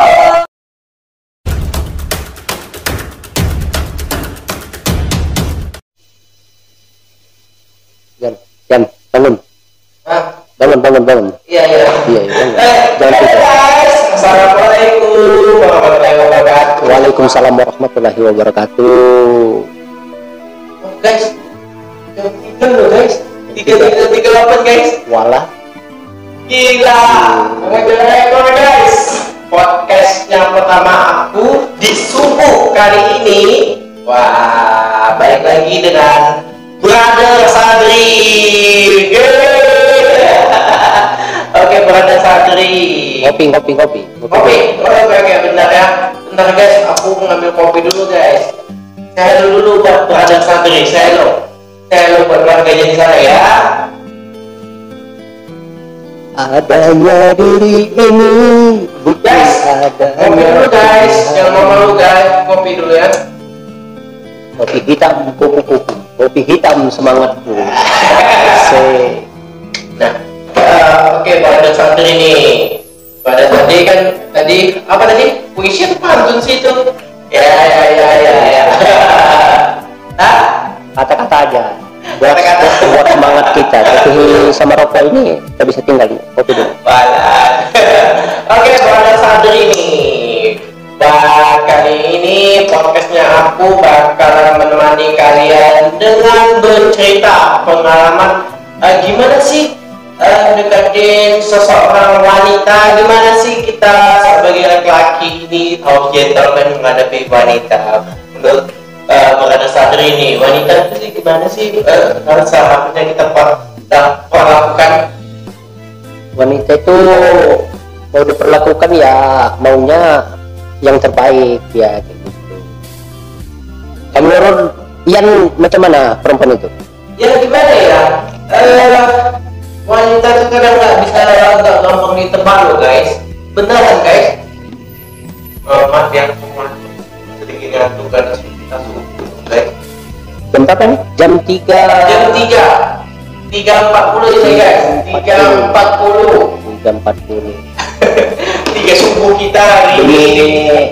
menemani kawan-kawan semuanya. Iya, keluarga kita bakalan kali ini menemani kalian di subuh hari sesuai challenge kopi kita kopi buat podcast di subuh hari 3 pagi.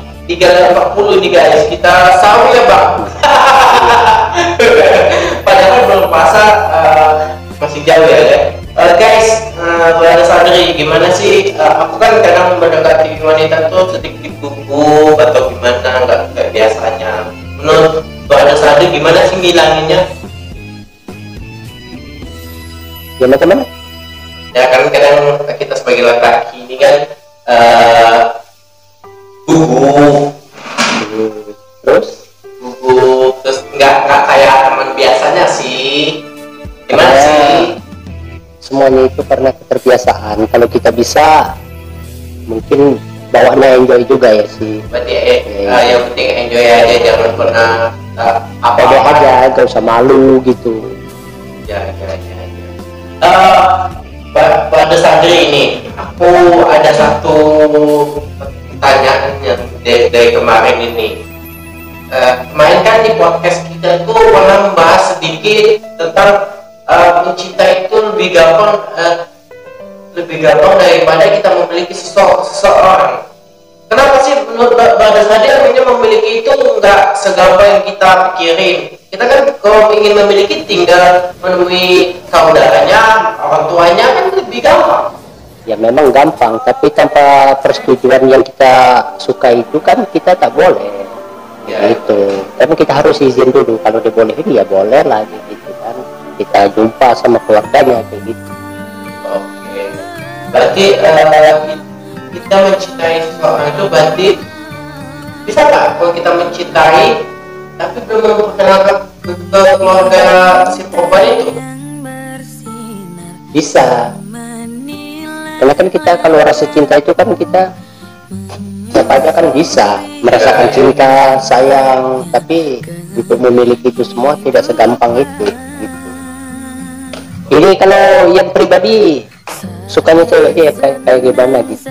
Kriteria uh, Ian sih nggak muluk-muluk ya yang penting dia baik perhatian. Yang bukan perhatian yang yang maksud ini bukan perhatian yang berlebihan ya. Uh, yang paling nggak suka perhatian yang berlebihan itu nggak suka. Tapi uh, apalagi perhatian cari perhatian itu. Perhatian ya iya uh, di mana seorang wanita itu hmm, dikit-dikit manja. Nah karena kan bukan boleh manja tapi di pada waktunya pada tempatnya. Nggak semua tempat yang manja terus akhirnya kita malu eh, terhadap teman-teman kita kan? Benar ini mau tanya juga sama Ian ya. Kalau Ian cewek itu sukanya yang macam mana ya dibilangnya baik tapi dandannya seksi gitu. Yang seksi tapi sifatnya orangnya baik. Macam mana? Kalau yang pilih yang mana? Maksudnya baik dadanya seksi seksi. Yang pilih orang yang baik. Ya. Nah, baik dalam segi apa pun tapi dia seksi terus. Macam mana? Ya kita lebih baik membeli eh, sesuatu yang nggak berlebihan yang eh, enak dipandang orang lain lah karena kita memiliki seseorang itu kan lebih gimana ya lebih kita memiliki seseorang itu jangan sampai orang lain menikmati apa yang kita miliki. Benar kan? Baik. sekarang prinsipnya semisal yang punya istri. Nggak mungkin apa yang dimiliki istri Ian apa yang diperlihatkan istri kepada Ian nggak mungkin diperlihatkan ke orang lain. Itu poin poin pertama. Yang poin kedua yang aku tanya lagi yang pilih yang cantik tapi dia orangnya jahat atau sebaliknya gitu. Yang lebih baik yang sederhana yang pas-pasan lah wajahnya ya. Tapi eh, nggak jahat sih. Nggak usah eh, di luar batas manusia lah ya prinsipnya Ian itu punya cewek yang kenal orang tuanya yang kedua poin ketiga gini ya aku mau tanya juga yang yang pilih yang cantik tapi tidak soleha atau pilih yang soleha tapi tak cantik? Yang pilih yang mana? Yang begitu pilih eh, soleha tapi tidak cantik cantik bisa kita modalin dari apa yang kita miliki apa yang kita Macam mana? buat orang itu macam mana? lebih baik memilih soleha tapi tidak cantik daripada cantik tapi tidak soleha. Itu hati. Pilih yang soleha tapi tak cantik. Iya. Itu iya ya. Kalau aku Iya. pribadi pilihnya itu pilih yang cantik tapi tidak soleha. Alasannya brother Sadri ini memilih itu kenapa yang pertama kan kalau pilih yang cantik tapi tidak soleha karena kita sebagai laki-laki itu harus membimbing ke dia ke jalan yang terbaik. Dia udah cantik nih. Tinggal kita membimbing. Sebagai kita laki-laki tapi kita di sini poinnya tidak soleha yo. Ay, kan kalau soleha kan kita sebagai laki-laki bisa membimbing dia ke jalan yang terbaik. Coba kalau kita pilih yang soleha tapi tak cantik macam mana kita merubah kecantikannya itu? Iya iya iya ah, bis sekarang ini zamannya modern Umpamanya gini. modernisasi loh umpamanya gini. Hidungnya miring. Ya. Dia soleha ah, mau ngebetulin miring hidung miring itu macam mana? Kan susah gitu. Modernisasi di zaman sekarang ini lebih baik eh, soleha dengan wajah yang papasan nantinya kita sebagai suaminya nanti ya mungkin ada skin care kita ini ya, kita sebagai laki-laki itu harus memilih yang terbaik kita yang terutama kita tengok kecantikannya. Kalau akhlak dia kepribadian dia kita sebagai laki-laki membimbing dia ke jalan yang terbaik gitu. Berarti pada sadari ini memilih poin pertama itu kecantikan berarti kecantikan duniawi. Bukannya duniawi. Se- setiap laki-laki itu kan harus melihat dulu. Ya. Nah, rasa kita pernah merasakan cinta itu kan pasti melihat dulu. Ya. Baru dia terasa ya ya. Yang pilih yang yang Jelek. soleha tapi tidak tidak cantik ah, nah ah, kalau dia udah soleha ya oke. Tapi merubah ke cantikannya itu macam mana mengubah kecantikan dengan zaman modernisasi ini kita bisa operasi. Ah, bisa operasi kan tak boleh. Operasi tak boleh. Itu dilarang oleh agama itu. Apa yang dikasih oleh Tuhan apa yang dikasih oleh, oleh sang pencipta itu kan ti- eh, tidak hakiki di dunia. Tapi kan kita tak boleh merubah kita iya kalau awalnya tidak boleh berubah berarti kita mempertahankan apa yang diciptakan oleh Tuhan. Nah kau tadi mau operasi kata kau iya. Kan itu dosa. Baik pilih yang sedang-sedang saja kalau bisa. Kayak gitu. Iya, iya. Berarti eh, kecahayaannya Bang Sadri ini poin yang pertama yang Bang Sadri lakukan untuk mencari pendamping hidup adalah eh, memilih kecantikannya dulu. cantik dulu biar kita kecantikan duniawi dulu. Setelah itu poin kedua, ah, baru sifat dia sifat dia kan Sifat. kita sebagai laki-laki kan membimbing dia ke jalan yang terbaik kalau Iya. kecantikan tak boleh dirubah namun Sifat- kalau sifat sifat- dia kan bisa kita membimbing dia ke jalan ya yang sifat juga emang seseorang bisa kayak batu di tetesi air pasti bolong kan. Nah, but, eh, untuk menurut kriteria dari dua itu, apakah ada tambahan dari segi kekayaan atau pekerjaan? Kalau kekayaan itu yang penting itu kita rukun aja kalau keluarga itu udah cukup lah ada semuanya itu setiap keluarga tak mungkin tak punya masalah pasti ada masalah kayak gitu Iya, iya, iya. Berarti dari segi Bang Sadri ini untuk mendapatkan seseorang itu lebih sulit daripada eh, kita gini ya. se- Semisal Bang Sadri mem- memilih ke- kecantikan, nah, berarti Bang Sadri sudah memilih untuk meluruskan sifatnya dari yang nakal ke baik. ya gitu Berarti Bang Sadri membentuk dari eh, dari kepribadiannya dari nol dong. ya dari nol Ah, itu nggak nggak mempengaruhi kecantikannya itu. Nah, yang dipertanyakan sini kita mau perbaiki akhlaknya, kecantikannya gimana? ya kan itu tadi ya yang pilih yang kayak gitu pilih yang akhlak baik tapi kecantikannya kan dan yang pilih kayak gitu. Kalau kita pilih yang cantik tapi dia ibaratnya kurang baik kan kita sebagai laki-laki apa itu kan mengajaknya ke jalan yang terbaik. Namun kalau dia udah jelek namun kita operasi kan tak boleh. Kan gitu. Ya, iya. Berarti eh, yang timbul di benak Ian itu sekarang berada, ya, ya berada. Eh, berarti eh, katanya Bang Sadri ini kecantikan, sifat, baru kekayaan.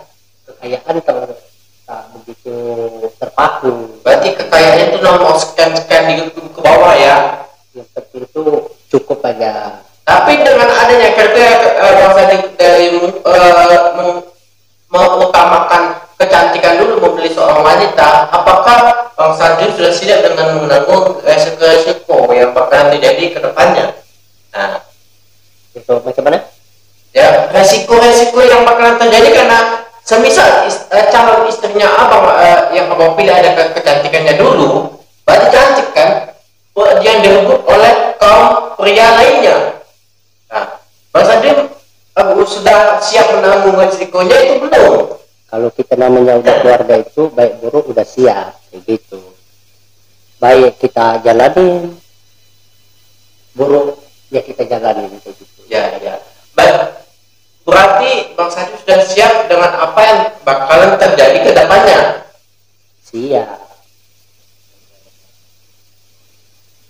yang oke dari segi itu yang sudah ngerti buat kalian yang belum ngerti langsung aja komen di official real inspiration komen di bawah ya dengan ide-ide kalian nanti ditampung di situ thank you banget Eh, buat ini ya selanjutnya di subuh ini Bang Ian mau tanya nih nah sampai saat ini ada nggak di benak Bang Sadri bakalan menikah di umur berapa?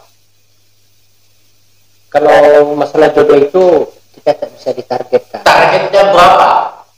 Minimal itu setahun dua tahun lagi lah kalau itu pun besok udah sampai Guys! siap kita laksanakan Dua tahun lagi guys. Oke guys, eh, eh, dua tahun. Berarti eh ngomong kalian kapan nih kalau diizinin bulan depan dong.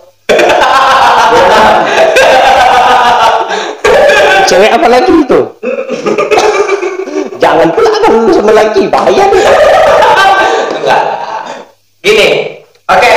Menurut Bang Sandi itu kecantikan. Ini ada yang tanya, Bang Sandi memilih di daerah kampung atau Bang Sandi menemukannya yang mungkin di tempat hiburan atau di bulan malam kali itu. Nah, itu menurut Bang Sandi kecantikan. Dan apabila Bang Sandi mengutamakan kecantikan berarti gini ya logikanya kayak gini gini ya. Kita udah jelek nih ya Ya. pribadi udah jelek setiap orang jelek itu pasti mau mendapatkan yang terbaik kayak gitu. Ya. mungkin kita udah jelek dia udah jelek setidaknya kita berusaha semaksimal mungkin kalaupun itu udah jodoh kita kita tak bisa mengelak kayak gitu. Iya. yang juga kayak gitu tak mungkin lah yang udah jelek berusaha yang ter, yang jelek pasti pengennya yang terbaik gitu kan selagi kita bisa namun jodoh kita tak bisa tentukan. Mau jodoh orang sini mau orang mana kayak gitu kan. Namanya kita suka suka sama suka. Ya udah kayak gitu. Oh, berarti hmm, ini ada pertanyaan. Seumpama, seumpama Mas Sandi menemukannya di daerah diskotik, seumpamanya. kalau di diskotik itu rasanya itu susah lah karena cewek-cewek kayak gitu tuh udah macam mana ya pergaulannya udah luas lah sedangkan kita ini apalah ya mungkin tapi kalau jodoh kita tak tahu lah gitu kan Ya, berarti dengan konsepnya yang bakalan terjadi di ke depannya, Bang Sandi mengutamakan kecantikan. Tapi berbeda dengan Ian, karena Ian lebih takut karena apa? Eh, pemilih wanita yang lebih cantik itu lebih takut eh, persaingan lebih ketat. Ya kan namanya kita kan berusaha. Kita sebelum gagal itu kan kita coba dulu. Kalau kita berbagi kegagalan itu pasti awal daripada keberhasilan. Ya, ya, ya. sebelum gagal kita coba dulu. Jangan kita mundur dulu. Kayak gitu. Tapi Bang Sandi pernah pernah merasakannya apa yang terjadi nantinya? Kalau Bang Sandi memiliki seorang istri cantik tapi Bang Sandi sedang berusaha memperbaiki akhlaknya tapi ke depannya ada ya bah- bahasa kasarnya itu kalau di, di laki-laki di beberapa wanita itu pelakor ya. Lapor apa pelamor pelakor itu laki ya? Tidak tahu juga. Ah gimana menurut tanggapan Sandi pelakor itu perebut laki orang. Ya. Berarti kalau cewek pelamor deh ya ya kalau kita salah mohon diperbaiki gitu kan. Ya. Eh, menurut Bang itu gimana? Karena kan Bang sudah memilih karyanya kecantikan dulu. Karena kan dengan kecantikan seseorang pasti memperebutkan sesuatu. Barang yang bagus ke bakalan sepi dari peminatnya. Kalau yang pribadi suka yang pahit atau yang suka yang manis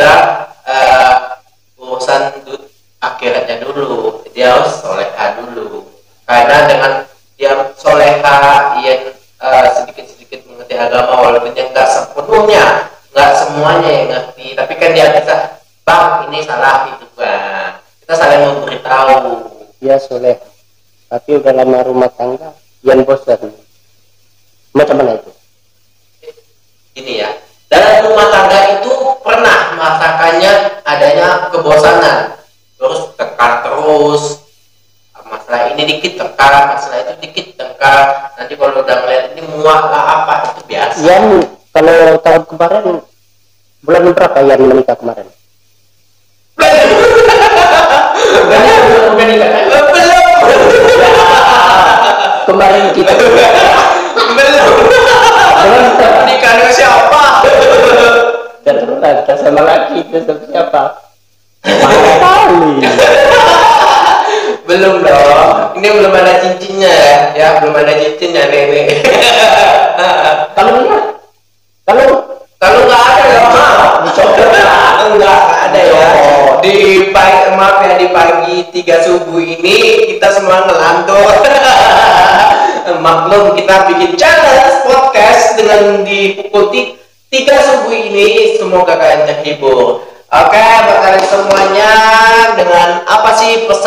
Sadri buat pejong-pejong cinta?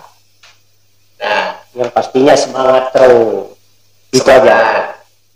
Satu, bagi yang mau putus asa nih gimana? Terus semangat, semangat lagi. Modal utama semangat. Jangan Kalau dengan bahasa Palembangnya gimana nyebutinnya?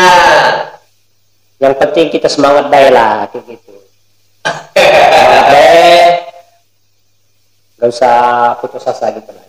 Ah, buat yang nikah tapi hampir eh, retak hubungannya gimana? Semangat lagi, cari yang baru lagi. pada saat ini. Eh, pada saat ini Itu apa mempertahankan orang yang tak peduli sama kita.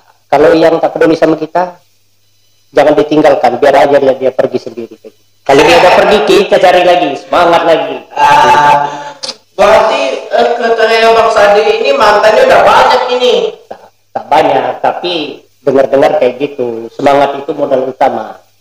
Semangat modal utama. Bosan dengan ini kalau dia marah-marah tahu itu bukan udah masang bukan jodoh kita. Kata orang itu yang bunga bukan setangkai, kumbang bukan seekor, patah tumbuh hilang berganti, hilang satu tumbuh seribu. Jadi semangat kita. Oke, okay,